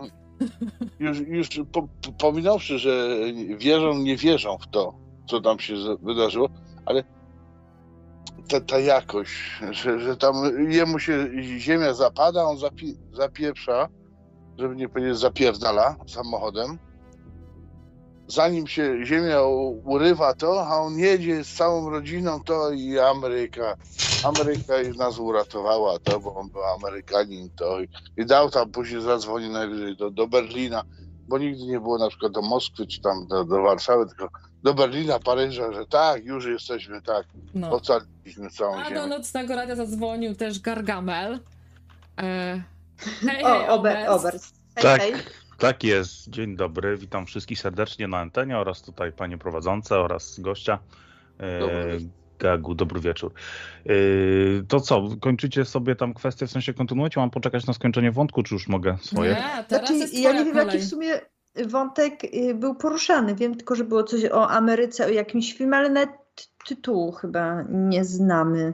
No to ale może Edek coś o też się. Jak ty zaczniesz, to może on dokończy, no to słuchamy cię. Dobra, to ja w takim razie wrócę paręnaście minut wstecz, bo ja akurat miałem taką fazę. To były lata 2000 bodajże 6, 2010, chyba nawet wcześniej, 2005, o, jakoś 8. Ja wtedy byłem przekurewsko za, za, zafascynowany jakimiś wa, wampirycznymi tematami, również y, jakąś taką pseudomagią i tak dalej. Różne tematy, i zarówno literatura i filmy. Utopiłem się po uszy, pewnie y, Rumba znasz, ale chodzi mi o literaturę i prozę Anny Rice. Ona zmarła w 2021 roku. No to stało to wywiadu z wampirem. Tak, tak, dokładnie. No. no ale kurde, pamiętam, że mnie zniszczyła w ogóle trylogia. Znaczy, bo tam e, więcej książek powstało, w sumie chyba z 8 czy z 10. Ja czytałem e, trylogię, ale pierwsza część i druga, czyli Wywiad z wampirem, a druga Wampir Lestat, to po prostu przemistrzostwo świata. Ja po prostu byłem w tych książkach zakochany i chyba dwa razy nawet je przeczytałem i nie wiem, czy sobie trzeci raz nie przeczytam. A Vampir Lestat chyba tam ma 500 czy 600 stron. Bardzo, bardzo polecam, jak ktoś lubi takie klimaty, bo to trzeba lubić, to jest specyficzne. Dokładnie, e... ale jest super też, się zgadzam. Oj, kurde, to, to jest petarda, nie? Tylko trzeba no lubić, tak? No bo jedni stwierdzą, że to w ogóle jakieś pedalskie, gejowskie czy coś, a to w ogóle nie w tym rzecz. Osobną kwestią jest to, że Anna Rice y, jako, y, jako pisarka zrobiła taką trylogię, taką y, troszeczkę tak, takie erotyczne, tak? Opisy są, ale nie zdzierżyłem tego, to już nie mój klimat, mówię, to już dla pań bardziej, ja, ja nie, ja się może dla, na wywiadzie z wampirem skupię i wampirze Lestadzie. Natomiast jeszcze tak dodając do tematu Drakul, wa, wampirów, bardzo fajny jest taki film stary z 1920 roku, to jest jeszcze czarno-biały, no wiadomo, w hmm. tamtych czasach, a nazywa się tak jak gabinet, gabinet doktora Kaligu, Ka, o, super to jest. No. no. I tu też polecam. Ja też bardzo fajny film, w ogóle zupełnie inna narracja, w sensie sposób przedstawiania obrazu, tak? E, I, i e, efekty specjalne w cudzysłów na tamte czasy takie są urocze, takie, tak fajnie się to ogląda, nie? Tak, tak jak człowiek sobie patrzy dzisiaj, jakie są dostępne technologie i możliwości, jak, w jaki sposób na widza się oddziaływuje, to to zupełnie, no, czuć tą różnicę jednak 100 lat, prawda? Więc, tak, no ale powiedz mi, czy na przykład ty wolisz te nowocześniejsze efekty, te, które na przykład możemy oglądać w tych filmach superbohaterskich, a nawet i w tych horrorach, bo ja nawet wolę te koślawe stare. One mają swój urok, wiesz co, czy wolę, no. zależy. Niestety, ja mam wrażenie, że tak, możliwości mamy ogromne, a mało, mała ilość osób potrafi to bardzo fajnie wykorzystać. No Ale... właśnie, bo to zawsze tak widać, że to jest ten green tak. screen i że to jest takie no po prostu sztuczne. Czyli jest odwrotnie, bo kiedyś ludzie mało mogli, a więcej im się chciało, nie? Tak. Dokładnie, dokładnie tak. Wy... więcej im się to, chciało, tak. To wymuszało wręcz, nie? Żeby, mm. kurczę, jak to zastąpić? Nie możemy tego przedstawić, więc musimy pokombinować. Zmuszało człowieka do kreatywności, tak samo jak dzisiaj E, kotek Mruczek mówił u, u, Orła, jeżeli komuś damy, kotkowi, tak, damy jedzonko, to on się oduczy polowania. No. I to tak samo tutaj jest, tak, jakby, więc... Dokładnie. E, więc, więc ten. Natomiast wiesz co, no niestety nie umiemy tego wykorzystać, tak samo na przykład taki, taki film 300, tam, tam o tych, Boże, to byli mm -hmm, Grecy, Spartanie, przepraszam. Tak, tak. I, to jedno, no mnie to odstręczało. Nie byłem w stanie tego strawić, nie byłem w stanie z tego obejrzeć, po prostu aż we, no po prostu za, za, za, dużo tych efektów, to, to takie wycackane on, on, no nie, nie, nie, nie, zupełnie do mnie nie trafiało. Natomiast i wiesz, plusy i minusy są zarówno tamtych czasów, jak i tych, natomiast chyba jednak też się bardziej odnajduję no, w tych starych klasykach, no jestem taki zdziedziały już trochę, no to nie dziwota. A samego no, Johna Carpentera coś widziałeś z tego, co Cośka znasz? W Cośka nie, znaczy wiesz co, oglądałem... O, wszystko to... przed tobą, jak ci yy, Słuchacz trolujący, y, zbanować, jak można nie znać Cośka, y, Oberst, y, po prostu już nie jesteś moim kolegą. A mogę beknąć w ogóle na antenie? Nie, Ależ oczywiście można bekać. Nie wiem, czy Ania się zgodzi, bo ja się tak, ja się tak rządzę. Bekaj, bekaj, pierdź, rób co chcesz świruje. A ten, ee, wiesz co, widziałem coś, tylko tą nową wersję, tak samo mgła, -hmm. nową wersję, ale -hmm. słyszałem dzisiaj, że jestem bluźniercą w sumie, bo że to skandal, że jak Jesteś. mogłem zacząć od dupy strony, to nie Ale w sumie to wiesz, lepiej wiesz, zaczynać że... od tego gorszego. Wiesz, że będzie ci to wypominane i na Discordzie już się, mój drogi, szykuj. Tak jest. E, biorę jakby na... udźwignę to, udźwignę tą chłostę. Mm. Także... E, e, ja, ja mam pytanko, słychać mnie? Tak. mów, mów. No, za, za moment się rozłączę i ten, ale ja mam pytanie, bo tutaj mówię, no ja, ja wbiłem się w temat tak no, w połowie ogólnie audycji, bo tam coś macie, temat audycji odnośnie filmów, tak? Coś o filmach, mniej więcej, no. Aha. Ja jeszcze coś dodam zaraz, ale niech kolega powie. Mhm, no, no to nie, to do, do, do, dodaj, dodaj, dodaj.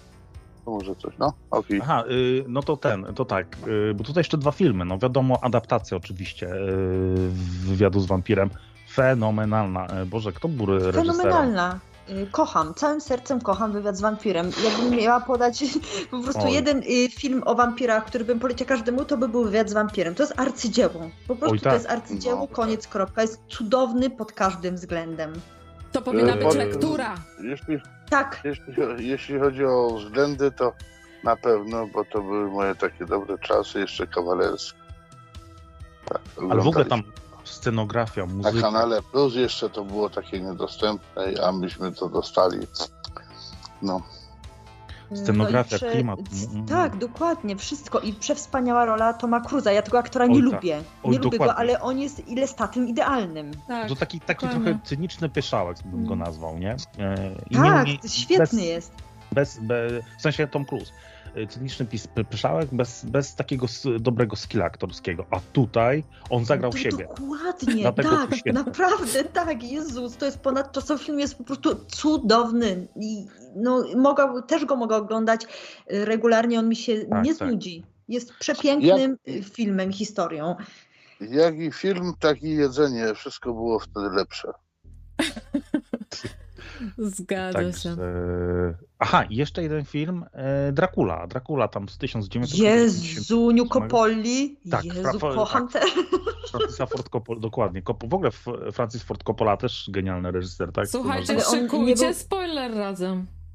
Naprawdę, ja kocham Drakulę Coppoli. To jest arcydzieło tak samo, no sam Gary Oldman, jak on zagrał tego Drakulę, jak sama gra cieniami, po prostu ja mam ciary, jak o tym nawet wspominam. Przecudowna muzyka, tam jest, tam wszystko gra. Nawet Keanu Reeves, który no jest średnim aktorem, ale go lubimy wszyscy, bo Keanu Reevesa każdy kocha, wiadomo. No, tak, jest, jest słabość do niego. Tak, no ale Jezu, ale to, to on, on, on nawet w stanie, no po prostu nic nie jest w stanie tego filmu zepsuć. To jest majstersztyk, to jest coś cudownego.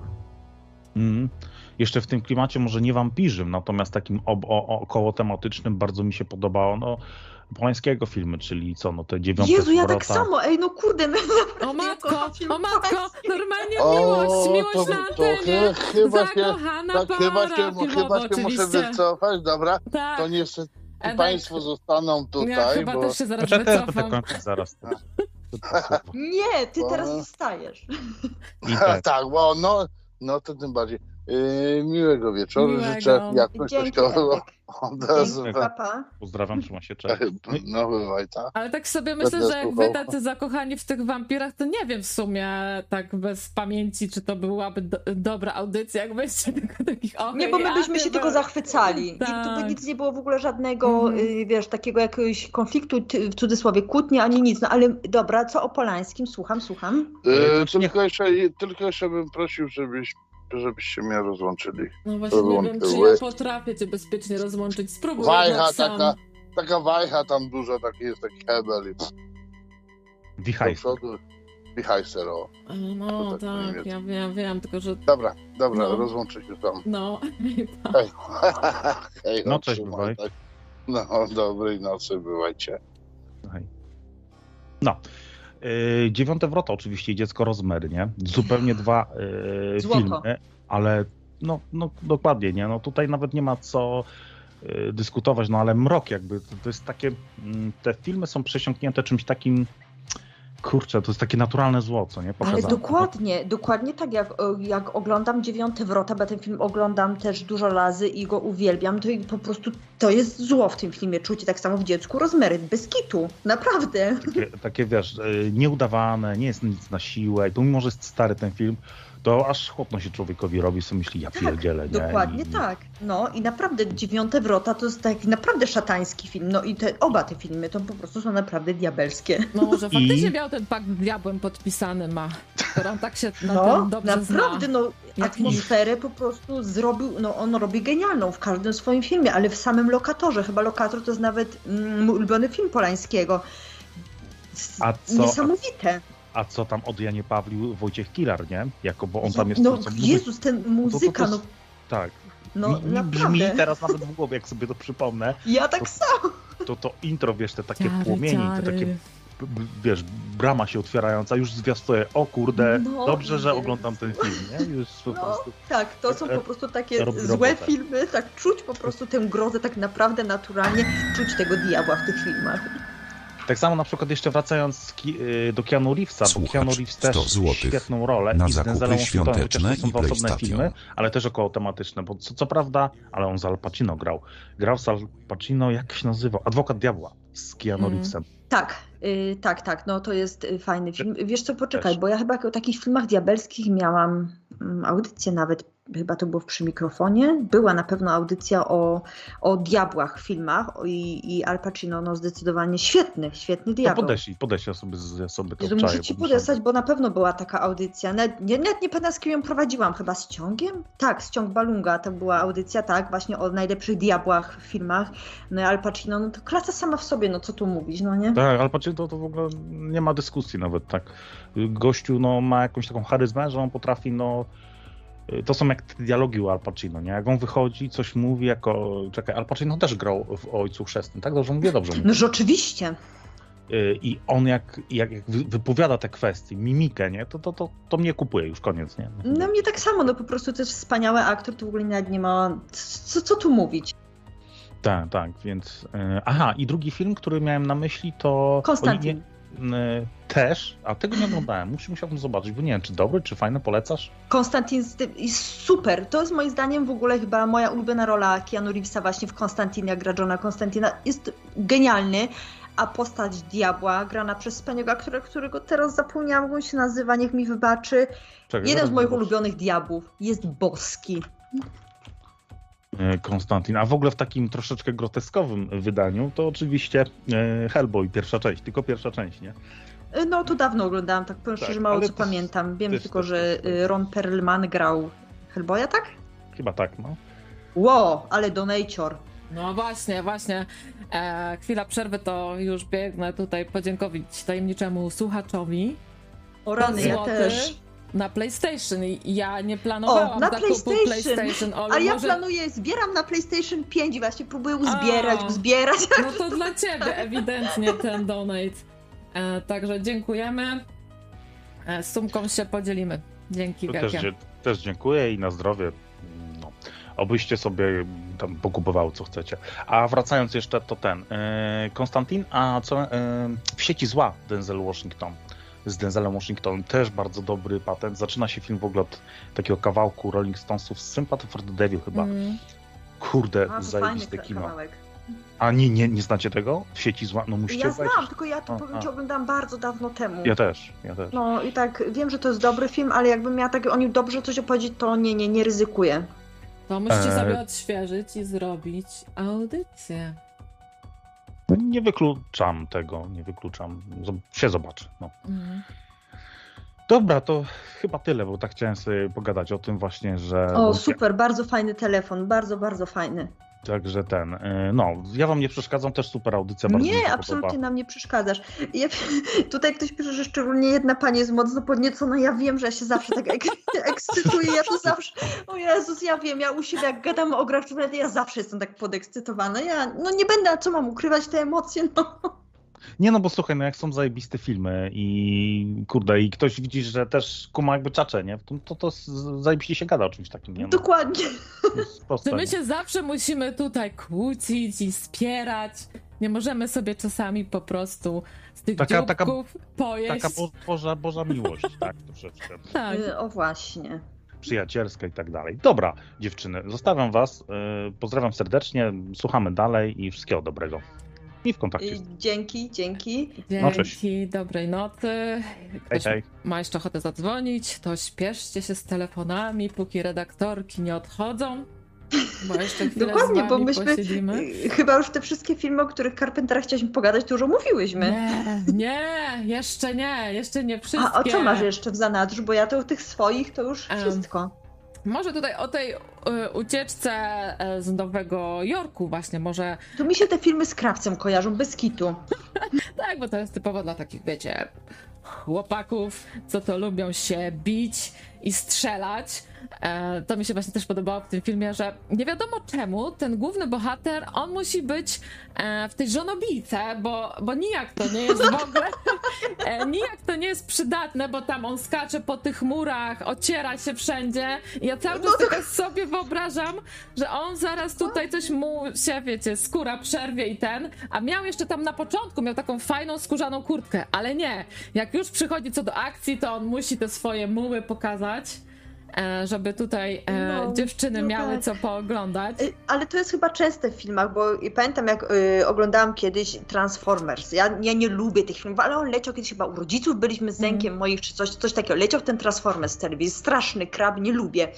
No i ta Megan Fox, ona miała białe spodnie i te spodnie pomimo wszystkiego one cały czas były białe. Tak. I my tak mówimy, tu akcja, tarzanie się po piasku, jakieś w ogóle strzelaniny, wszystko. Ona chyba idealnie, białe spodnie, włosy idealnie ułożone, nic jej nie jest. Mm. E, tak, albo w takie filmy, gdzie główna bohaterka e, biega, biega przez cały film i wszystko to robi na takich wysokich obcasach, nie? jest zabawne. oj tak, dokładnie no. tak. Mm, albo te filmy post-apo, gdzie one są zawsze zazwyczaj. Oczywiście nie mają absolutnie ani jednego włosa pod pachami, ani na nogach, nic, zero. Wiadomo, depilacja podczas apokalipsy zombie jest nadal bardzo ważna. No, halo. ale to chyba tak ma być, no bo w tak. sumie kto by chciał tak naprawdę mm, oglądać, wiesz, jakichś brudasów zarośniętych, niedomytych. Wiadomo, że to w pewnych granicach wszystko, no nie? No tutaj... Ale to tak zawsze jest, o, no. W tym filmie jest właśnie Kurt Russell dla pań, e, no albo też panów, co kto lubi. E, no i znowu gra ta Adrienne Barbeau, nie wiem jak to się czyta, to nazwisko tej żony Carpentera, jeszcze wtedy jego żony. E, tutaj ona też fajnie gra e, biustem, e, bo to jest no naprawdę mm, ładnie zbudowana kobieta obdarzona przez stwórcę. Y, a to jest ta, co była w, y, w Paszczy Szaleństwa? Nie, pomyliłam, ta nie, czarna, nie? Nie, nie ona nie, grała w mgle tą e, panią Aha, w mgle, a to ładna mhm. kobieta. Ładna, ładna brunetka, wysoka, szczupła, a przy okazji e, oczytana. E, także tutaj, e, no i właśnie o czym jest w ogóle ta historia, ta ucieczka e, z, z Nowego Jorku? Potem była jakaś też wersja ucieczka z Los Angeles. E, e, tutaj oczywiście też wszystko. Muzyka, scenariusz, reżyseria robi e, samowystarczający Carpenter. No i to jest właśnie taki post-apo film. No niby to się dzieje, to jest wizja Carpentera roku 1997. E, dostajemy taką informację, że tam 10 lat wcześniej przestępczość wzrosła o 400%. Co prawda nie dowiadujemy się z jakich, co to spowodowało, ale, ale tak to e, właśnie zaszło, że tych przestępców w społeczeństwie zrobił się totalny nadmiar e, i zapada decyzja, e, żeby z wyspy Manhattan zrobić więzienie i po prostu takich przestępców zsyła się do tego szczelnie, do tej szczelnie zamkniętej wyspy. E, e, no i nasz Kurt Russell, który tutaj gra takiego więtego spod prawa porucznika Snake'a, on też za jakieś tam swoje przewiny w wojsku zostaje wysłany właśnie do tego więzienia. No i właśnie, że tak powiem, na bramkach dostaje informację, że jeszcze może sobie wybrać zamiast tej syłki e, eutanazję, tak? Że po prostu go tutaj na miejscu e, ukrócą jego życie, no bo tam na tej wyspie, no to się dzieje co chce, bo tam e, ci skazańcy muszą sobie w odcięciu totalnym od świata sami radzić. No i tam jest faktycznie e, bardzo niebezpiecznie e, takie, takie, takie krwiożercze klimaty. E, no i o, o co chodzi? Jakaś zła kobieta znowu, jakaś rebeliantka porywa e, samolot prezydencki i właśnie na tej wyspie Manhattan, w, środku tego więzienia, e, rozbija ten samolot. No i porucznik Snake zostaje tam po prostu przez wojsko wysłany, żeby tego prezydenta odnaleźć. E, tak, za... No to taki y, typowy akcyjniak właśnie, który bym sobie chętnie z rodzicami obejrzała. I, tak. I moja mama by pewnie mówiła, bo to jest jej stały tekst, o facet jak świeca. tak, facet jak świeca jeszcze w dodatku zabawia się ptaszkiem e, tam w tym filmie, czyli szybowcem, bo chodzi o to, że on musi tak bezszelestnie, żeby nikt z tych skazańców e, tam go nie przyuważył, jakoś się znaleźć. E, na tej wyspie i właśnie sobie ląduje po cichu na, na dachu jeszcze istniejącego e, WTC. E, no i taki trochę taki cicho ciemny odnajduje miejsce tej katastrofy, kapsułę prezydenta, ale pustą. No, no i tam oczywiście musi jakiś wataszka, który rządzi tą wyspą teraz, tymi trzyma tych skazańców e, za mordy. E, Kurt Russell musi po prostu do niego dotrzeć i prezydenta uratować. Taka to jest historia. No, to jest kawał dobrego kina, ale ja mówię, dawno to oglądałam, yy, ale aż sobie normalnie chyba odświeżę, bo to, jest, to są super filmy. Tak, zgadza się, a dla mnie na, no, super film Taki może trochę podobny do Halloween, tylko w drugą stronę, bo tutaj mamy z kolei e, historię o młodych chłopakach e, z liceum, dojrzewających.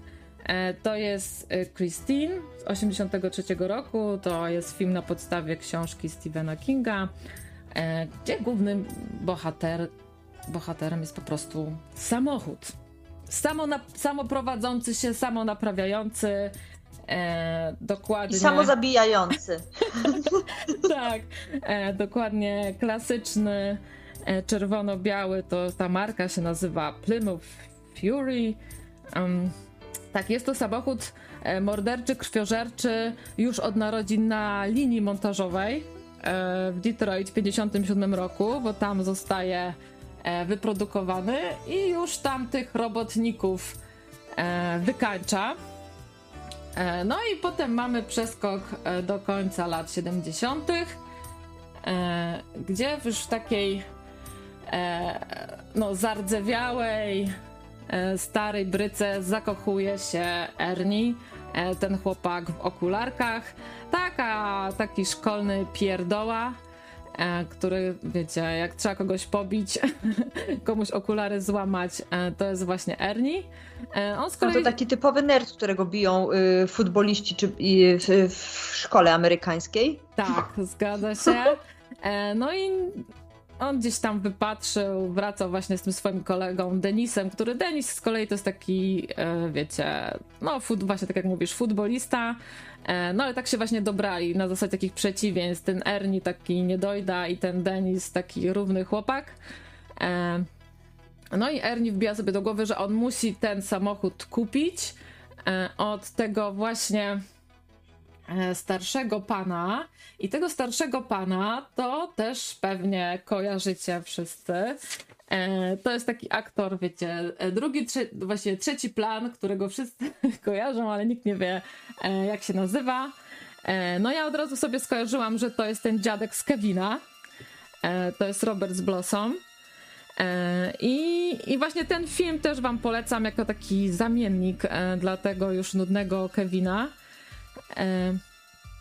Bo to jest naprawdę super historia, trochę w klimacie Stranger Things też jest przemiana bohatera, bo ten Ernie e, bierze się za ten samochód e, i czyni z tego samochodu cudeńko. No, aż się wydaje to nieprawdopodobne, że on w tak krótkim czasie e, do takiego świetnego stanu doprowadza ten samochód, no ale potem dowiadujemy się, jak to się dzieje, że ten samochód mu po prostu pomaga.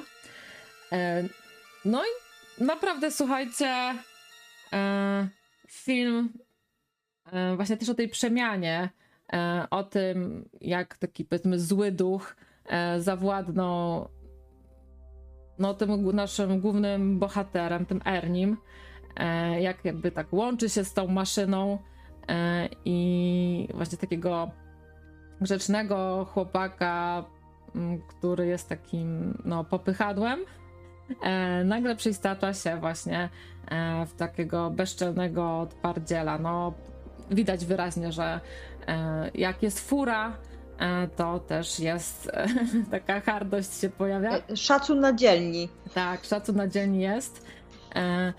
On się, on się oczywiście z pomocą tego swojego morderczego samochodu mści na tych, którzy tam wcześniej go no, tępili, tak, którzy się na nim wyżywali.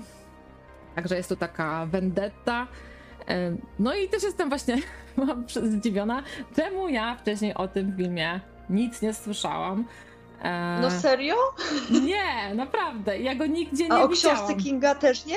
Nie wiedziałeś, że w ogóle jest taki motyw o takim morderczym samochodzie? Nie, nie. Mimo, że tam trochę Kinga czytałam, ale jakoś na to się nie natknęłam, ale bardziej mnie dziwi nawet to, że na ten film się nie natknęłam. Ty go widziałaś w polskiej telewizji? Tak, tak, widziałam go. Ja nie wiem. Mhm. Może, tak, ale może wiesz, za może, chodziłam spać. Może ja po prostu, wiesz, ja zapewne, znaczy no, no tak było, jak widziałam gdzieś horror, to od razu ja pach, pach, no nie, jak mm. miałam taką możliwość, to od razu oglądałam, więc pewnie dlatego. Bo miałaś fazę taką ja... horrorową. No ona trwa do dzisiaj. Ja od zawsze byłam mm, horrorowa. To był mój mm. zdecydowanie najulubieńszy gatunek y, filmowy. Oczywiście inne też bardzo lubię, ale horror to zawsze był numer jeden. Y, w ogóle pamiętam jak to, znaczy nie, ja tego nie pamiętam jak to się zaczęło, ale mama mi opowiadała, że jak byłam taka bardzo, bardzo mała, miałam może z dwa lata, y, to którejś nocy się obudziłam i akurat leciał horror w telewizji i tam jakiś, ktoś stawał z trumny, domyślam, że to może był Nosferatu czy coś i ja to zobaczyłam. I się zakochałaś. I bałam się, tak, bałam się, byłam strasznie małym dzieckiem, bałam się, ale yy, wiesz, to, to jakoś mnie tak przyciągnęło, może to dlatego, mm. no, no, nie wiem, na pewno to widocznie, widocznie to musiało mieć na mnie jakiś wpływ, że ja te horrory od zawsze uwielbiałam, takie mroczne historie, yy, bardzo niebezpieczne, interesuję się też, wiesz, seryjnymi mordercami, zawsze mnie takie klimaty krwawe kręciły i to mi zostało do dziś. Yy, co prawda z niektórych rzeczy wyrosłam, jakieś tam gore, to już tak... Yy, bardzo dużo oglądałam tego za nastolatki, ale tak teraz powiem szczerze, że mm, nie oglądam już takich rzeczy w ogóle od długiego czasu i, mm, i w ogóle sama jestem zdziwiona, jak ja to mogłam oglądać, bo teraz no, to jest przerażające straszliwie i no, po prostu pewnych rzeczy się wyrasta, prawda? A Christine, jak wspominasz? Yy, wiesz co, y, Christine, jak sobie weszłam na Filmweb, to dałam ocenę 6, czyli że to jest niezły film. Mhm. Więc na pewno nie zrobił na mnie jakiegoś wrażenia takiego wow, ale podobał mi się. Mhm. A ja lubię książkę takie... czytałaś hmm? Stephena Kinga? Też czytałam, też czytałam. Książka była fajna. To mhm. książka mi się bardziej podobała niż film. Mhm. Bardzo mhm. fajna. No. Ja lubię te stare książki Kinga. Mm, bardzo lubię y, Miasteczko Salem, Sklepik z marzeniami. To są w sumie chyba dwie moje ulubione y, książki Kinga. I adaptacje też są świetne. Mhm. E, no, to, tą adaptację e, mówisz też w miarę oceniasz. Mówisz, książka lepsza, ale film jak najbardziej. No fajny, fajny, bo on ma znowu ten taki klimacik tego małego, sennego miasteczka. Tak, tak. Jest, no ja to bardzo, bardzo lubię, ja to zawsze doceniam. To jest takie typowo horrorowe. Fajne to jest, więc to jest zdecydowanie plus tego filmu, no nie? No. Muzyki niestety nie pamiętam, a muzykę też robił Carpenter? No, zakładam, że tak. zakładam, że tak. Pewnie tak, aż sobie sprawdzę. No, a tutaj właśnie dla tych, co też lubią właśnie, ja lubię jakoś te klimaty właśnie tego dorastania. No, muzyka Carpenter oczywiście. E, tych właśnie klimatów takich szkolnych, e, e, tego jak ludzie właśnie tam wchodzą w te relacje. Z... Bo to kiedyś tak było trochę inaczej przedstawione, tak mi się wydaje. Kiedyś, bo na tę chwilę strasznie mnie drażnią produkcje z nastolatkami i ja tego nie oglądam, bo one są po prostu irytujące. Dzieciaki są wkurwiające za przeproszeniem. A te nastolatki kiedyś z tych starych filmów takie były trochę inne, nie wkurzały, w ogóle mnie nie wkurzały. E, no może tacy bardziej podobni do nas byli, nie? Tak to, e, no właśnie, tak lepiej ich tylko... rozumiemy. No pewnie coś w tym jest. E, no ja tak sobie też myślałam, że może ten film leciał późno, e, leciał rzadko, no bo tak sobie wyobrażam, że wiesz, no a, takiej e, socjalistycznej młodzieży pokazać, e, wiesz, taki świat, gdzie te dzieciaki mają telefon, każde w sypialni. Raz, że mają w ogóle telefony w domach, ale nawet dzieciaki w swojej sypialni tak, mają telefony. Tak, tak, tak. Albo w ogóle narodowi polskiemu tutaj pokazać, że siedemnastolatek ma samochód no, no chyba... ta, wow, zdecydowanie, tak, no, tak, tak. W tamtych czasach się marzyło mhm. o Stanach Zjednoczonych, prawda? E, tak, to był taki świat e, dopiero science fiction dla nas i w ogóle właśnie stwierdziłam, że to taki ten etap, że myśmy w ogóle nigdy nie doszło do tego, że mieliśmy telefony stacjonarne w swoich pokojach, po prostu jak już był telefon, to jeden w mieszkaniu, bo myśmy wtedy jeszcze nawet domów nie było wtedy, tylko wszyscy w blokach mieszkali, nie? E, także my tak e, mieliśmy przyspieszone tą transformację od razu do domków z telefonami komórkowymi, więc ten etap właśnie odbierania telefonu stacjonarnego za dzieciaka we własnym łóżku nas ominął. No, mówię, taki myślę, że takiego kogoś za żelaznej kurtyny obejrzeć taki film, e, to mogłoby być e, no, deprymujące e, i niezgodne z linią partii, więc może dlatego no, może ten tak. film nie był taki popularny. No, no pewnie tak. Czasy się zmieniają, więc wiadomo, teraz kino jest też inne i horrory to są robione masowo. Pach, pach, pach. 90% to beznadziejne, których się w ogóle nie da oglądać. Gdzieś tam można znaleźć jakąś perełkę. Mm. mm ale kiedyś te horrory no, po prostu były dobre. Po prostu mm. praktycznie każdy jeden był dobry, bo teraz mm, no, są naprawdę słabe. Nie to, że efekty są beznadziejne, te historie rozumiem, że mm, kino rządzi się swoimi prawami, no i nie możesz wymyślić nic innego, no bo wam wampiry, duchy i inne potwory, poczwary to jest no, taka podstawa. I, I, na tej podstawie trzeba coś zrobić, ale trzeba to zrobić dobrze, a nie takie te kolejne, te takie zakonnice, jakieś inne te filmy, to są takie krapy, no po prostu tego się nie da oglądać, jest prostu beznadziejne. A jeszcze przed, odniosę się do czata. Oberst pisze o martwicy mózgu. Martwicę mózgu kocham całym sercem. Jest to mój ulubiony film Petera Jacksona. No wiadomo, że Władca Pierścieni też, ale Martwica mózgu jest wspaniała. Jak ktoś lubi komediowe horrory, gdzie jest dużo, dużo gore i dużo obrzydliwości, i, ale świetnego humoru, no to ja Martwicę Mózgu polecam, bo to jest naprawdę super film. Y, uwielbiam go. E, a tutaj jeszcze drugi pisze, teraz młodzież jest bardziej ogarnięta, dlatego w kurwę jest bardziej ogarnięta. Nie, nie jest bardziej ogarnięta, właśnie wręcz przeciwnie, jest totalnie nieogarnięta. Nie mówię tam ogólnie, bo są jednostki, um, które są tak samo, wiesz, fajnie ogarnięte, ale tak jakby mierzyć w miarę ogółu, to ja uważam, że młodzież jest mniej ogarnięta niż kiedyś. E, tak, tak, zdecydowanie.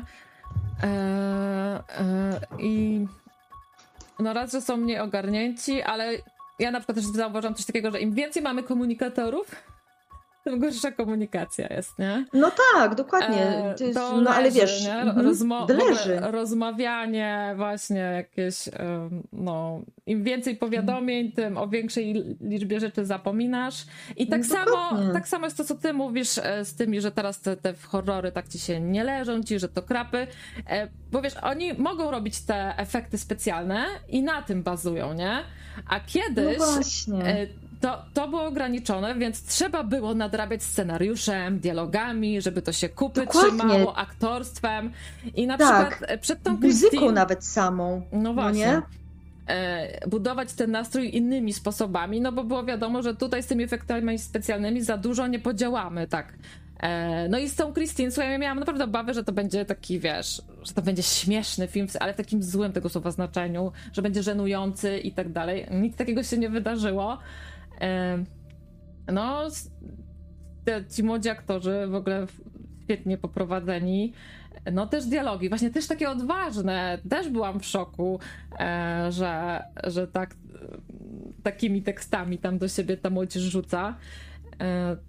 No to także mówię, jak e, czasami e, mniejszy wybór taki e, tych środków powoduje, że skupiamy się na tym w sumie, co w filmie jest najważniejsze, tak? No bo te, te, ta linia dialogowa, to aktorstwo, nastrój, to jest podstawa, nie? Dokładnie. I właśnie teraz coś mi mignęło, o czym zapomniałam przecież ja zapomniałam o jednym filmie, czy filmie, no filmie o Cigarette Burns Carpentera. Tak. No mignął mi ta, mignęła mi ta postać teraz, jak to przewijałaś i no, muszę o tym opowiedzieć. Musisz opowiedzieć i to już tak na koniec, bo to jest Dokładnie. taka jedna z ostatnich, e, ostatnich mm. dzieł Przedostatni chyba tak. nawet.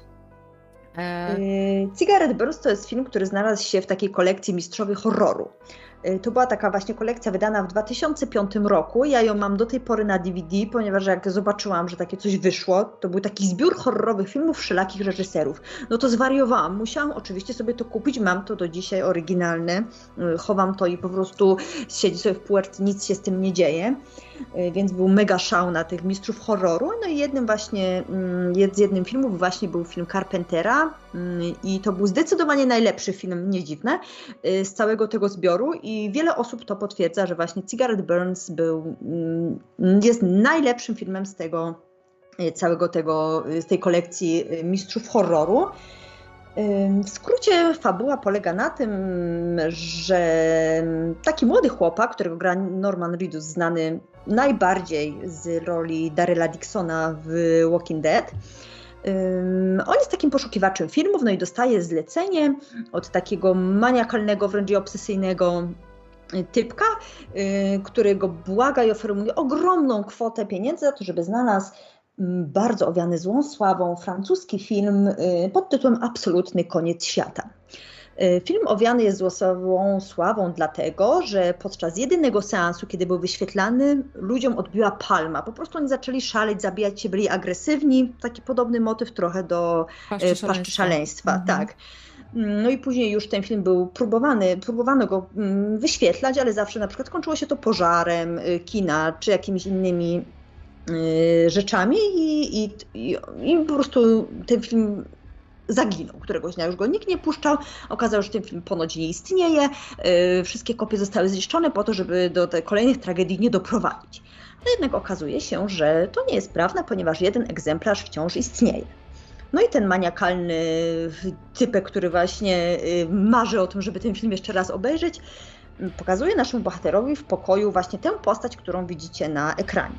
Mhm. Mm, my nie wiemy, kto to jest. Widzimy, że to jest taka, taki potwór jakiś, czy, czy coś, taka dziwna postać skuta łańcuchami, która ma mm, odcięte skrzydła. Te skrzydła też widzimy jako. Mhm Y, kolekcja y, u tego gościa, no ale w sumie taki biedny jest, no nic, y, nic tam nie robi złego. No, widzimy tego potwora. No i tam z czasem nasz bohater jest ostrzegany o to, żeby tego filmu nie szukał, że ten film jest naprawdę wcieleniem zła, że zawsze się dzieje coś złego.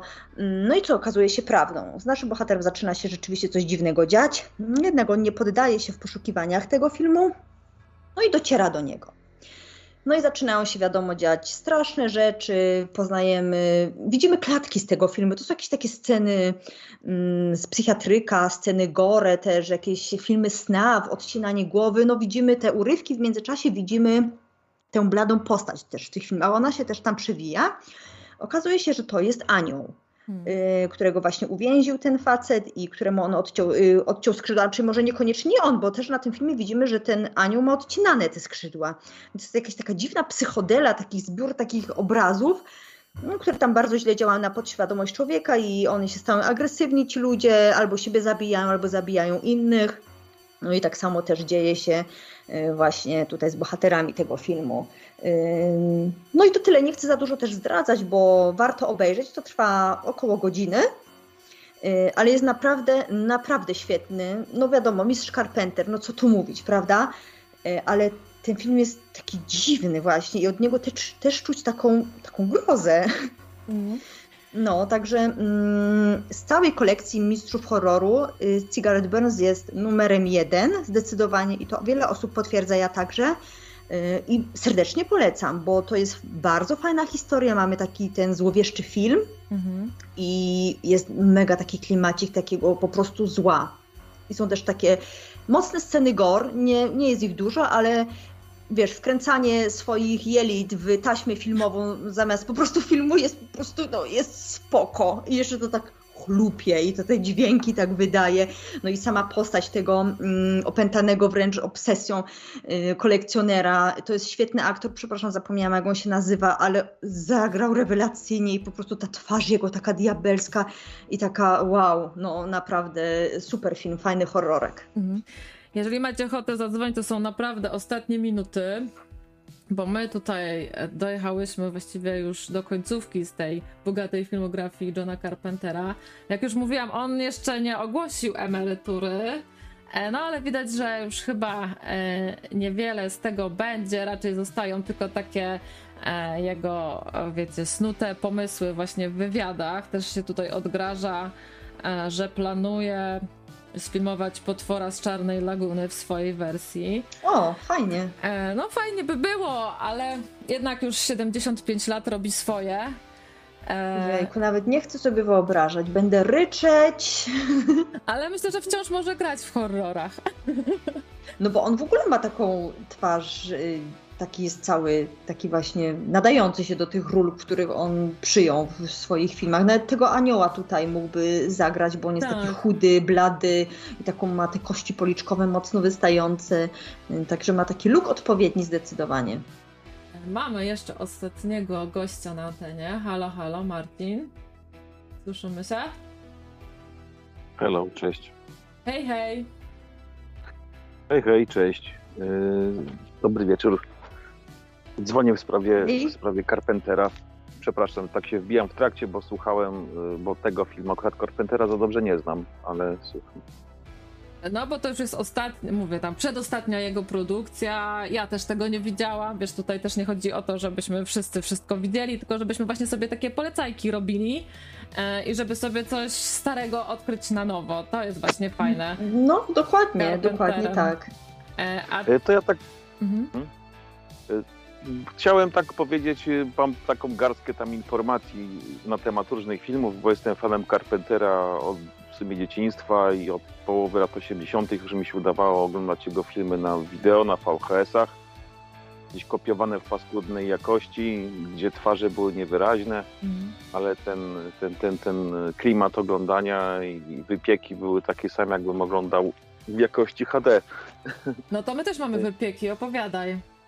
Tak, no i z takich garstek informacyjnych, z takich ciekawostek, takich informacji, to na temat y, Cosika wam coś powiem. Nie wiem, czy wiecie, bo nie słyszałem, y, bo nie mówiłyście nic, ale na temat muzyki, bo tam jest rzeczywiście muzyka Ennio Morricone.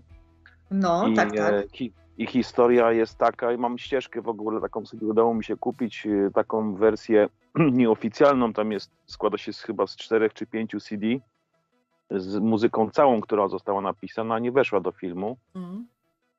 Historia była taka, że mm, na początku Carpenter chciał zrobić jakby sam muzykę, ale mm, wytwórnia mu poleciła, żeby zrobiło coś bardziej ambitniejszego, żeby muzyka więcej y, ilości filmu wypełniała.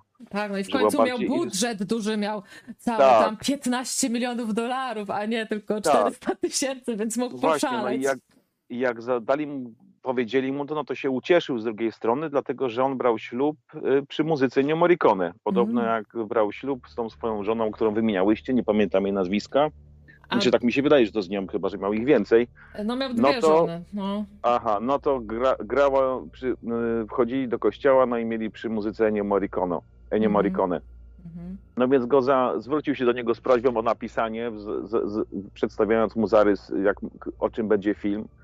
No i Morricone mu tam y, napisał y, dużą ilość utworów w różnym stylu, w różnym typie. Niedokładnie też wiedział, jak będzie dokładnie ten film wyglądał, bo on mu raczej tylko opowiedział zarys. Y, no i miał sobie podobierać, co mu tam pasuje.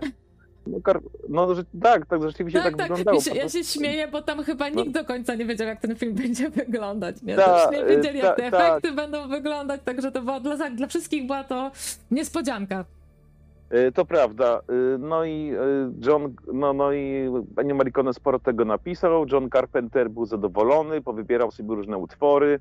Niektóre prosił, żeby Ennio Morricone przerobił, że chciałby, żeby były bardziej takie psychodeliczne, bardziej takie postmodernistyczne, proste, wbijające się w głowę. No i wtedy powstało to słynne dum dum, mhm. dum dum, nie, to ten, o, ten słynny motyw. z powrotem. Prze, prze, prze, prze, przewodni y, motyw. Mm.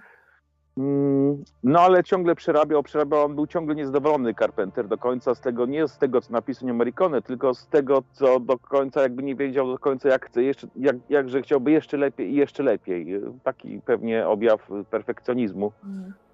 Y Chociaż yy, skończyła się ta historia tak, że część muzyki, którą chociaż tam jest masę muzyki napisanej przez nią Morricone, nie weszły wszystkie utwory. Może mógłby spokojnie sobie wypełnić yy, ten film muzyką Ennio Morricone i sam postanowił, tam jest kilka utworów, które sam skomponował, czyli jest muzyka Ennio Morricone, ale jest kilka fragmentów, które sam skomponował, na, dostosowywując się stylistycznie do tej ścieżki, którą sobie wybrał i dostał od e, Ennio Morricone. Czyli jest jakby muzyka wspólna. E, część jest Ennio Morricone i jest parę fragmentów, które napisał sam Carpenter. No i wyszło idealnie. I wyszło idealnie, a teraz ciekawostka, co się stało z tym, no, no Ennio Morricone podobno poczuł się trochę obrażony i dotknięty tym. Yy, tak, gdzieś tam czytałem, i, ale te utwory, które nie weszły, nie zmarnowały się, bo to jest taka ciekawostka, że po wielu, wielu, wielu latach wykorzystał te utwory yy, przeranżowane i trochę pozmieniane i dał je Quentinowi Tarantino, jak robił nienawistną dziewiątkę. I to jest, i no i dostał w końcu Oscara za tę muzykę. Nienawistną nie? ósemkę. Ósemkę, tak, ósemkę, tak, dobra. A, przecież, no tak, nie wiem czemu dziewiątka. Hmm. Może, może to dlatego, że to Quentin Tarantino powinien być numerem 9 tam. tak. Yy, No to tak a propos tej muzyki, mi tak się przypomniała ta historia i, i to też jest jeden z moich ulubionych filmów. Yy, i zawsze robi wrażenie i wracam, szczególnie lubię właśnie w okresie zimowo-jesiennym, kiedy tak. spadnie Oj, śnieg, tak. jest wcześniej ciepło, ten się czuje i lepiej sobie jeszcze pokój wymrozić trochę, tak, yy, przyjść z dworu, najlepiej jak jeszcze coś, yy, jakieś grzańca ewentualnie można sobie mm. zrobić na rozgrzewkę, ale przemarznąć wcześniej warto ale twój oglądać. pierwszy raz z Tosiem, jakbyś mógł opowiedzieć. Mój, mój pierwszy raz z Tosiem, no to był z VHS-u właśnie, z VHS-u mm. oglądałem. No później szukałem za wszelką cenę, żeby obejrzeć go jeszcze raz w lepszej kopii, bo naprawdę miałem taką, no słabą. Yy, no, dzisiaj mam tam kilka wydań tego, bo mam roz, jakąś rozszerzoną, mam na Blu-rayu, mam na DVD po polsku, kiedyś kupiłem gdzieś tam coś. No i a propos dokrętki, no bo dokrętka, która powstała, yy, przez, zrobiona przez tych, yy, tych yy, Skandynawów, nie wiem dokładnie, pamiętam, kto tam dokładnie to zrobił. Jakiś Holender, też... Matthias, Van, coś tam, Ta, Heiningen. Nie da się tak, tego powtórzyć. Nawet, tak, i też to oglądałem, no i tam próbowano zrobić taki klimat. Jest kilka ujęć takich typowych, które było coś ciekawe właśnie w cosie, co, w coś. Y, te, te kamera z góry z helikoptera, jak ten pies biega, są takie ukłony bardzo w kierunku jednak tej wersji y, tej wersji, no, no, czy tego filmu, bo, bo to jest prequel, no to to nie, to, to nie, to nie jest y, to nie jest remake, tylko prequel, tak. czyli to się działo to wcześniej. działo wcześniej, tak. No mi, w mhm. moim odczuciu to było bardzo dobrze powiązane, że oni bardzo tam... Mhm. Ja jestem bardzo zadowolony, mhm. jako fan byłem zawiedziony, byłem na tym w kinie, i, e, i e, no, oglądałem to z wypiekami. No przyznam się, no pewnie no, jestem taką, wyjdę na mędę, nie? że trochę byłem niezadowolony, no bo każdy, że kobieta stała się głównym bohaterem. A, bo taka... no tak, to już były początki tej nowej ale... fali. Ale wiecie, co to było takie ciśnienie, bo, no bo bohaterem, bo to był taki, te coś to było taki męskie, tam praktycznie kobiet nie było, nie? Hmm. I jak nagle tu się pojawiło, mówię, no tak, aha, będą zamęty, zaraz romanse jakieś i, i zacznie to iść w kierunku znowu pewnie nie takim, jakim bym oczekiwał, a teraz, aha, no trzeba, trzeba jakieś trochę miłości pokazać, uczuć. No ale na szczęście nie poszło to aż tak daleko. Nie, to ale... poszło gorzej, tam było tak, że to tylko kobieta wie, co trzeba robić. Ale tutaj to... mówi facetom, co mają robić i tylko ona jest tutaj rozsądna. Tak, rozsądna i się okazało fajnie, tylko y, miałem jeszcze kilka taką grupę znajomych, którzy też byli fanami y, tego filmu. Nie znali tak bardzo twórczości Carpentera, ale znali film coś. Y, I to mam takich znajomych, co jeden jest alpinistą, no to się lubi wspinać, to wszystko z kolei ogląda o śniegu, mhm. inny lubi jakieś tam, co, coś tam z kolei związane z, z lotnictwem, no to tam, gdzie helikoptery są, nie? No to, to tak, tak średnio, ale każdy ogląda filmy, które są jego tam po części z jego konikiem powiązane, z jego hobby.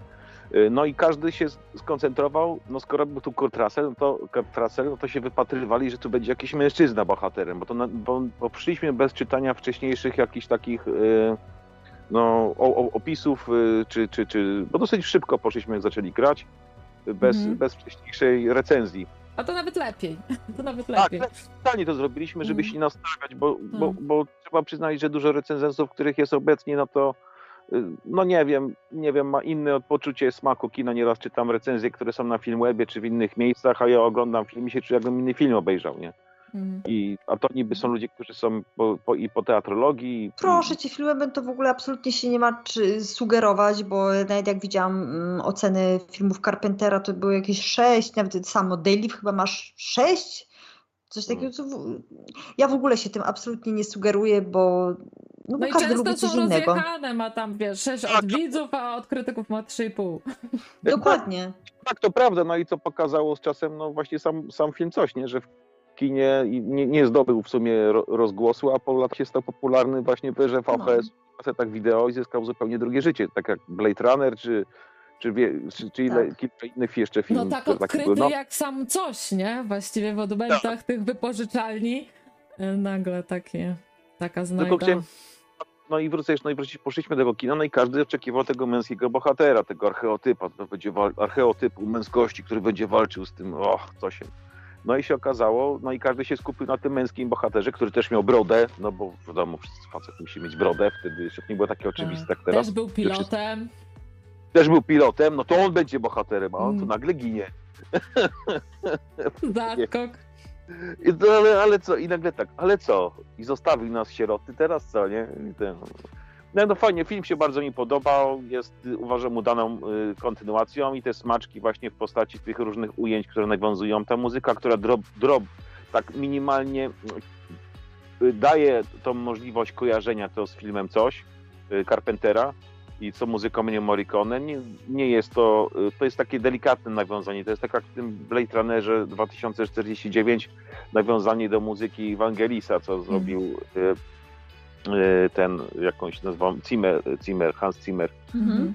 Y, no to też jest takie nawiązanie, że tam się czuje, jakby się miał zacząć zaraz motyw z Blade Runnera wcześniejszego, a nie ma. I tak samo, jakby się miał zacząć ten motyw z coś Carpentera, a się nigdy nie zaczyna, jest takie odczucie. Y, to jest bardzo fajne, trzymało to, ten film trzymał w napięciu.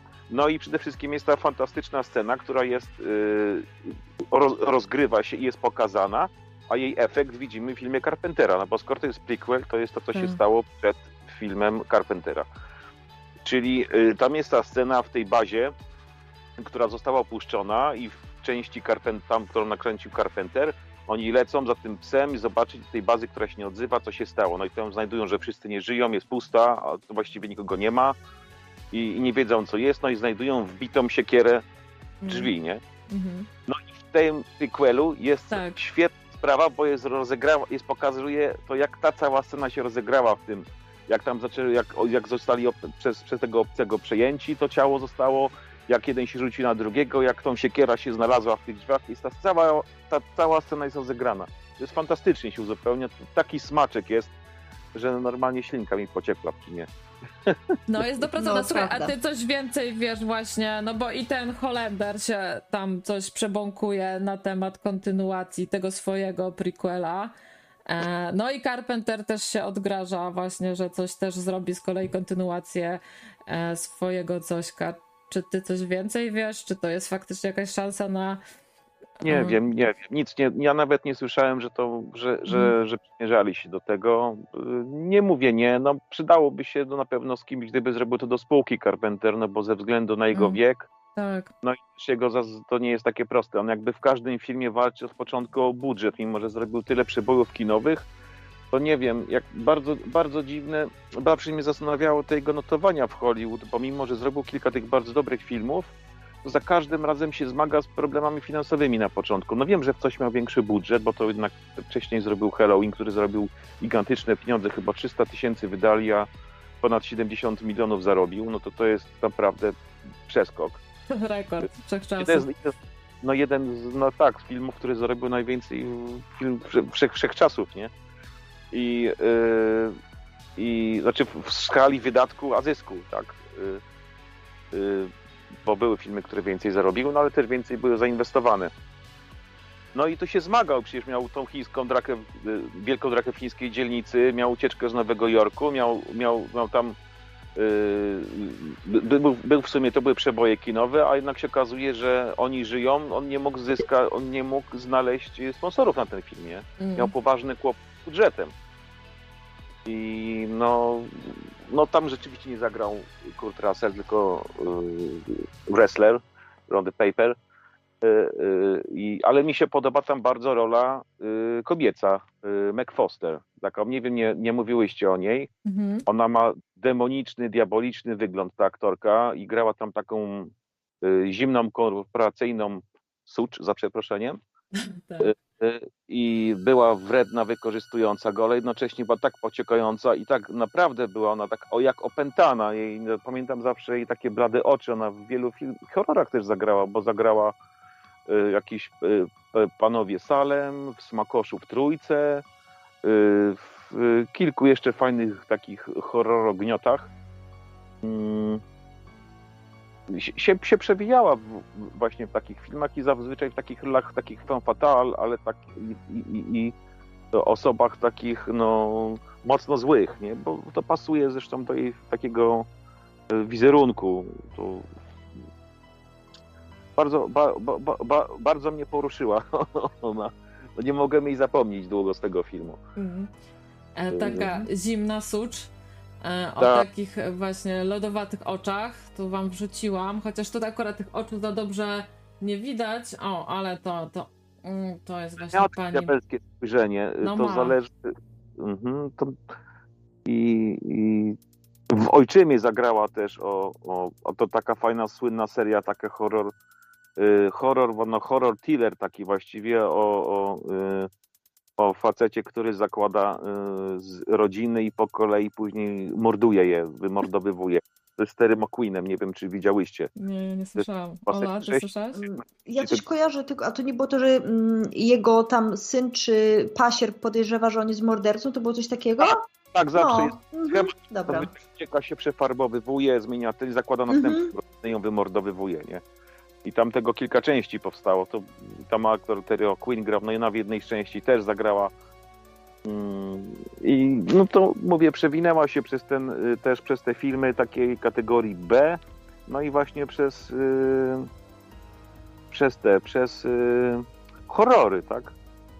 Y, o, o Ślepej Furii zagrała na przykład z Rodgerem Hauerem, to tak już trochę bardziej science fiction, ale też takie kino właśnie y, klasy, y, klasy B.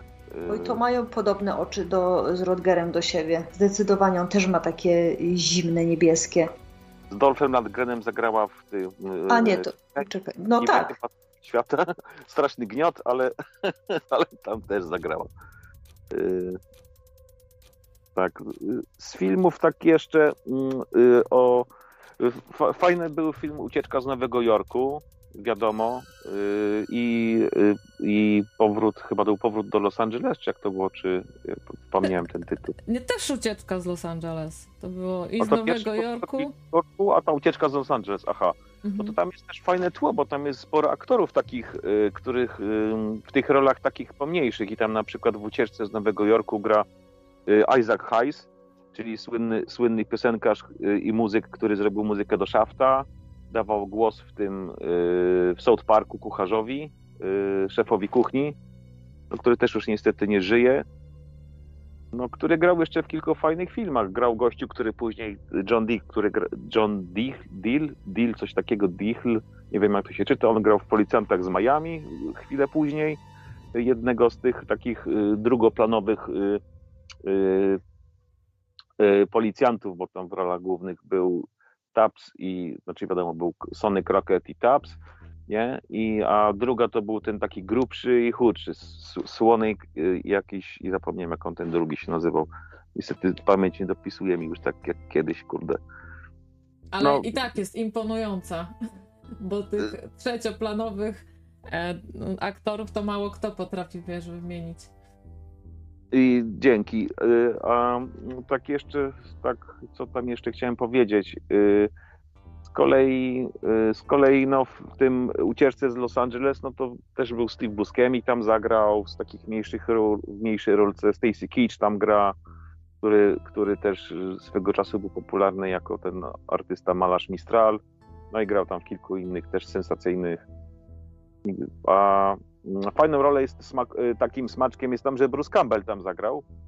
Y, czyli o, wspaniały on jest. Uwielbiam Bruce'a Campbella, jego poczucie humoru w tych wszystkich gniotach, których on grywa, bo on grywa też w poważniejszych filmach, które są mniej udane, ale tam, gdzie może zabłysnąć horrorem, y, znaczy humorem, no to, to, to ja się rozpływam, nie mogę przestać się śmiać z reguły. Ja tak samo, zresztą Bruce Campbell zawsze będzie Aszem z Martwego Zła i no i koniec. Właściwie, I właściwie te role są powielane zawsze z tym Aszem z tego, bo nawet jak gra w innych filmach, to każdy mu się, się, się kojarzy właśnie z tą postacią. A w ucieczce z, no, z Los Angeles gra chirurga z Beverly Hills, taki malutki epizodzik tam ma. Yy, no ale ma. To też jest taki smaczek dla mnie jako dla fana y, Bruce'a Campbella, no to to jest y, rzecz bardzo no, miła. Tak, zgadzam się, bo ja też bardzo Bruce'a Campbella lubię i jak widzę, że gdzieś, y, gdzieś się zjawię nawet na chwilę, to, to od razu też serduszko się raduje. Serduszko się raduje. No to tak w sumie chyba tyle na temat Johna Carpentera. Pewnie bym, a no, nie mówiliśmy, nie mówiłyście chyba o tym filmie, ale to nie jest horror, to był atak na 13 posterunek. No i nie mówiłeś mi, ja go nie oglądałam, powiem szczerze. Mm. Jest to film typowo westernowy. Jakby ktoś był zainteresowany, lubi konwencję western. Nie dzieje się na Dzikim Zachodzie, tylko dzieje się w Stanach współcześnie, czyli w latach, w których powstał, czyli koniec lat 70. No i jest wiadomo, jest bandyta, który jest przechowywany w więzieniu, jak tytuł podpowiada, w posteru na posterunku, w areszcie tymczasowym. No jest banda, która chce odbić go. No i jest no, wszystkie schematy westernowe, tylko jakby umiejscowione współcześnie. Bohaterzy, które kolejno giną. A wszystko odbywa się tak, że jest do przewidzenia, ale jest to zrobione w sposób taki, że ogląda się to z dużą przyjemnością i chociaż da się to przewidzieć, no to to jest taki to jest taki przy, przyjemny w oglądaniu. To jest taki etap, że powstał, chyba wtedy powstał film też y, The Warriors, taki legendarny, że o tych bandach ulicznych, który, który, które biegały po Stanach i rozrabiały. No i on tak jakoś tak wchodzi w, to, w ten klimat końca lat 70., takich trochę rozróbek, zamieszek, kiedy trochę era disco upada i się zaczyna punk pojawiać i bunt przeciw takiemu y, y, konsumpcyjnemu trybowi życia w Stanach no to, to się jak, jakoś to się wszystko tak y, w ten y, układa w całość. Jak się tak spojrzy jeszcze na obyczajowość i to, co się działo w tamtym czasie y, w Stanach Zjednoczonych, no i trochę na świecie, no bo punk też przede wszystkim, no tu Europa, Wielka Brytania. A powiedz mi jeszcze, słuchaj, jakbyś ty miał taką osobę, e, która nic Johna Carpentera nie widziała, i którą, który byś tak chciał właśnie zachęcić ją i taki film, który tak jak w pigułce pokazuje, wiesz, y, jego klimat.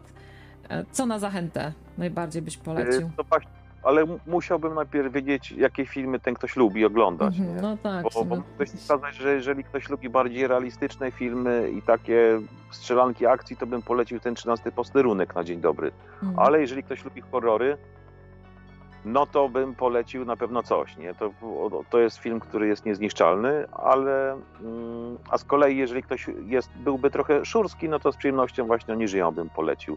Mm. Jeżeli lubi, ktoś jest fanem książek Kinga, no to zdecydowanie bym polecił Mgłę, nie? Bo to jest jedna z najlepszych ekranizacji z książek Kinga. Nie każde są udane. Dużo osób, y, y, jak to się mówi, próbuje ekranizować y, powieści Kinga. To nie jest wcale takie proste. Niektórzy się gubią, niektóre nie wychodzą, ekranizacji jest duża, nie każda jest dobra. A to jest, ta mgła mówi o tej mgle w pierwszej, tak, którą zrobił. Tak, no i mgła też dla fanów e, radyjek, takich pomniejszych też jest jak najbardziej. Tak, tak, tak, tak, to prawda. I, i, i to, to, to w tym momencie mgłę polecam od razu, tak od razu, wiesz, oglądaj mgłę, nie? Mhm. Y, lubię też Halloween, o, o, oglądałem i też, i też wyżej cenię y, Halloween od 13, piątku 13.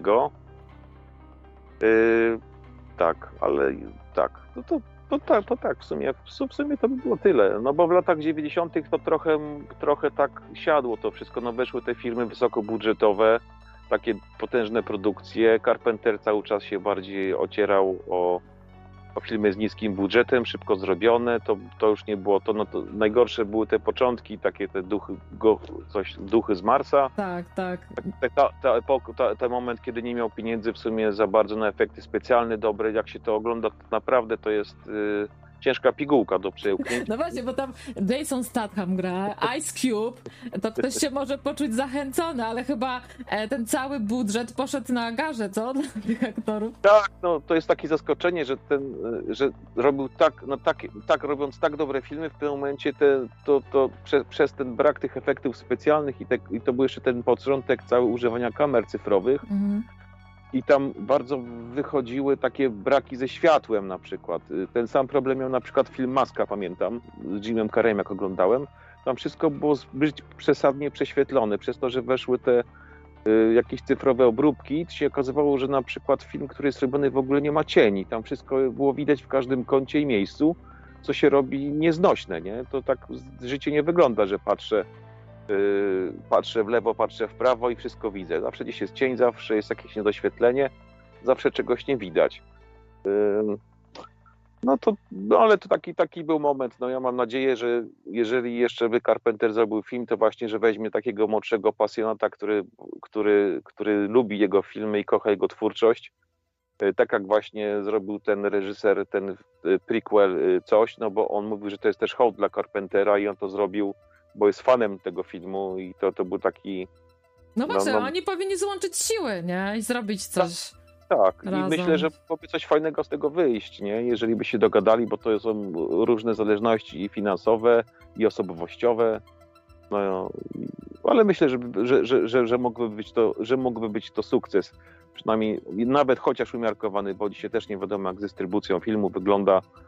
Y, I, i też, też na przykład jestem fanem kina akcji i oglądam i wiem, że filmy kina akcji ze starymi bohaterami powstają, takimi z lat 80 jest kłopot cały czas, bo nikt nie chce tych filmów dystrybuować. Jest, są pieniądze, żeby je zrobić, wyreżyserować, a już nie ma chęci że nikogo, żadnej firmy, która chciałaby je dystrybuować, a to jest jakby no jednak y, od tego zależy zysk też filmu, nie? czy będzie wyświetlany w kinach, czy będzie rozprowadzany y, na, na, na, na Blu-rayach i jakaś drobna chociaż reklama i informacja, nie? no bo bez tego film po prostu przepada. I no, to no, takie że... życzenia świąteczne właśnie. Dla nas, dla nas wszystkich, żeby tak, jakiś... dla fanów Carpentera. Carpentera i, i żeby z jakiegoś był ktoś młody, z którego mógłby trochę krwi wyssać, a ktoś z kolei by się na jego doświadczeniu mógł oprzeć. Zbudować. I razem tak, tak w grupie siła, nie? Dokładnie. To dzięki Ci Marcinie za ten telefon. To naprawdę było cenne. Bardzo fajny. E, mhm. Dziękuję również, bardzo dobrze się Was dzisiaj słuchało. Super, na... dziękujemy serdecznie. Dziękuję Wami czas. E, dzięki, cieszymy się e, Tobie też dobrej nocy. A my powoli będziemy się, właściwie już szybko się będziemy żegnać z Wami. Tak, tak. Bo już trzy godziny e, minęły. Bardzo szybko minęły, muszę przyznać, świetnie się gada. No, fajnie, fajnie się tutaj w nocnym radiu na luzaczku rozmawia i te audycje E, szybko mijają, e, szybko się rozkręcają. Dzięki za telefony. No dzisiaj się też rozkręciliście z donatami. E, także tak, my super. tu Olu po stówce spokojnie mamy. Także no super. Dołożę do kubki konsolowej. No, nie darmo tu dzisiaj rozmawiałaś.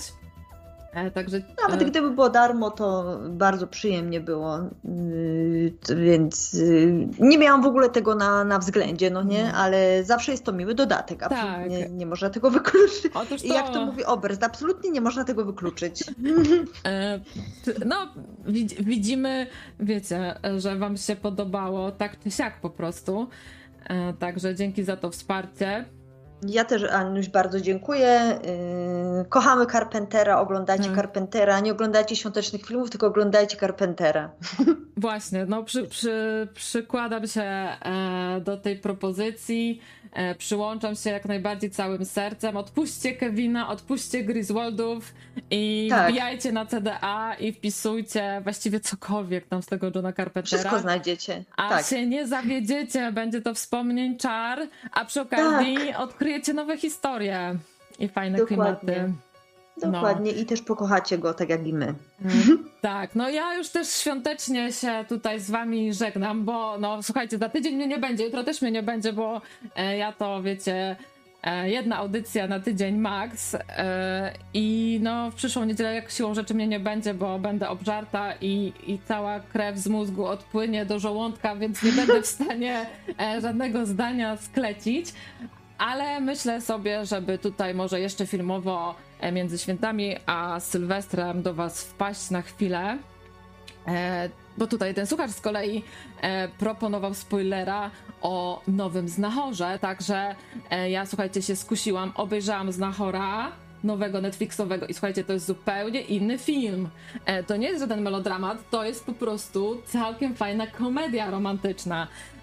także polecam wam. E, fajnie się to udało odświeżyć e, tą historię.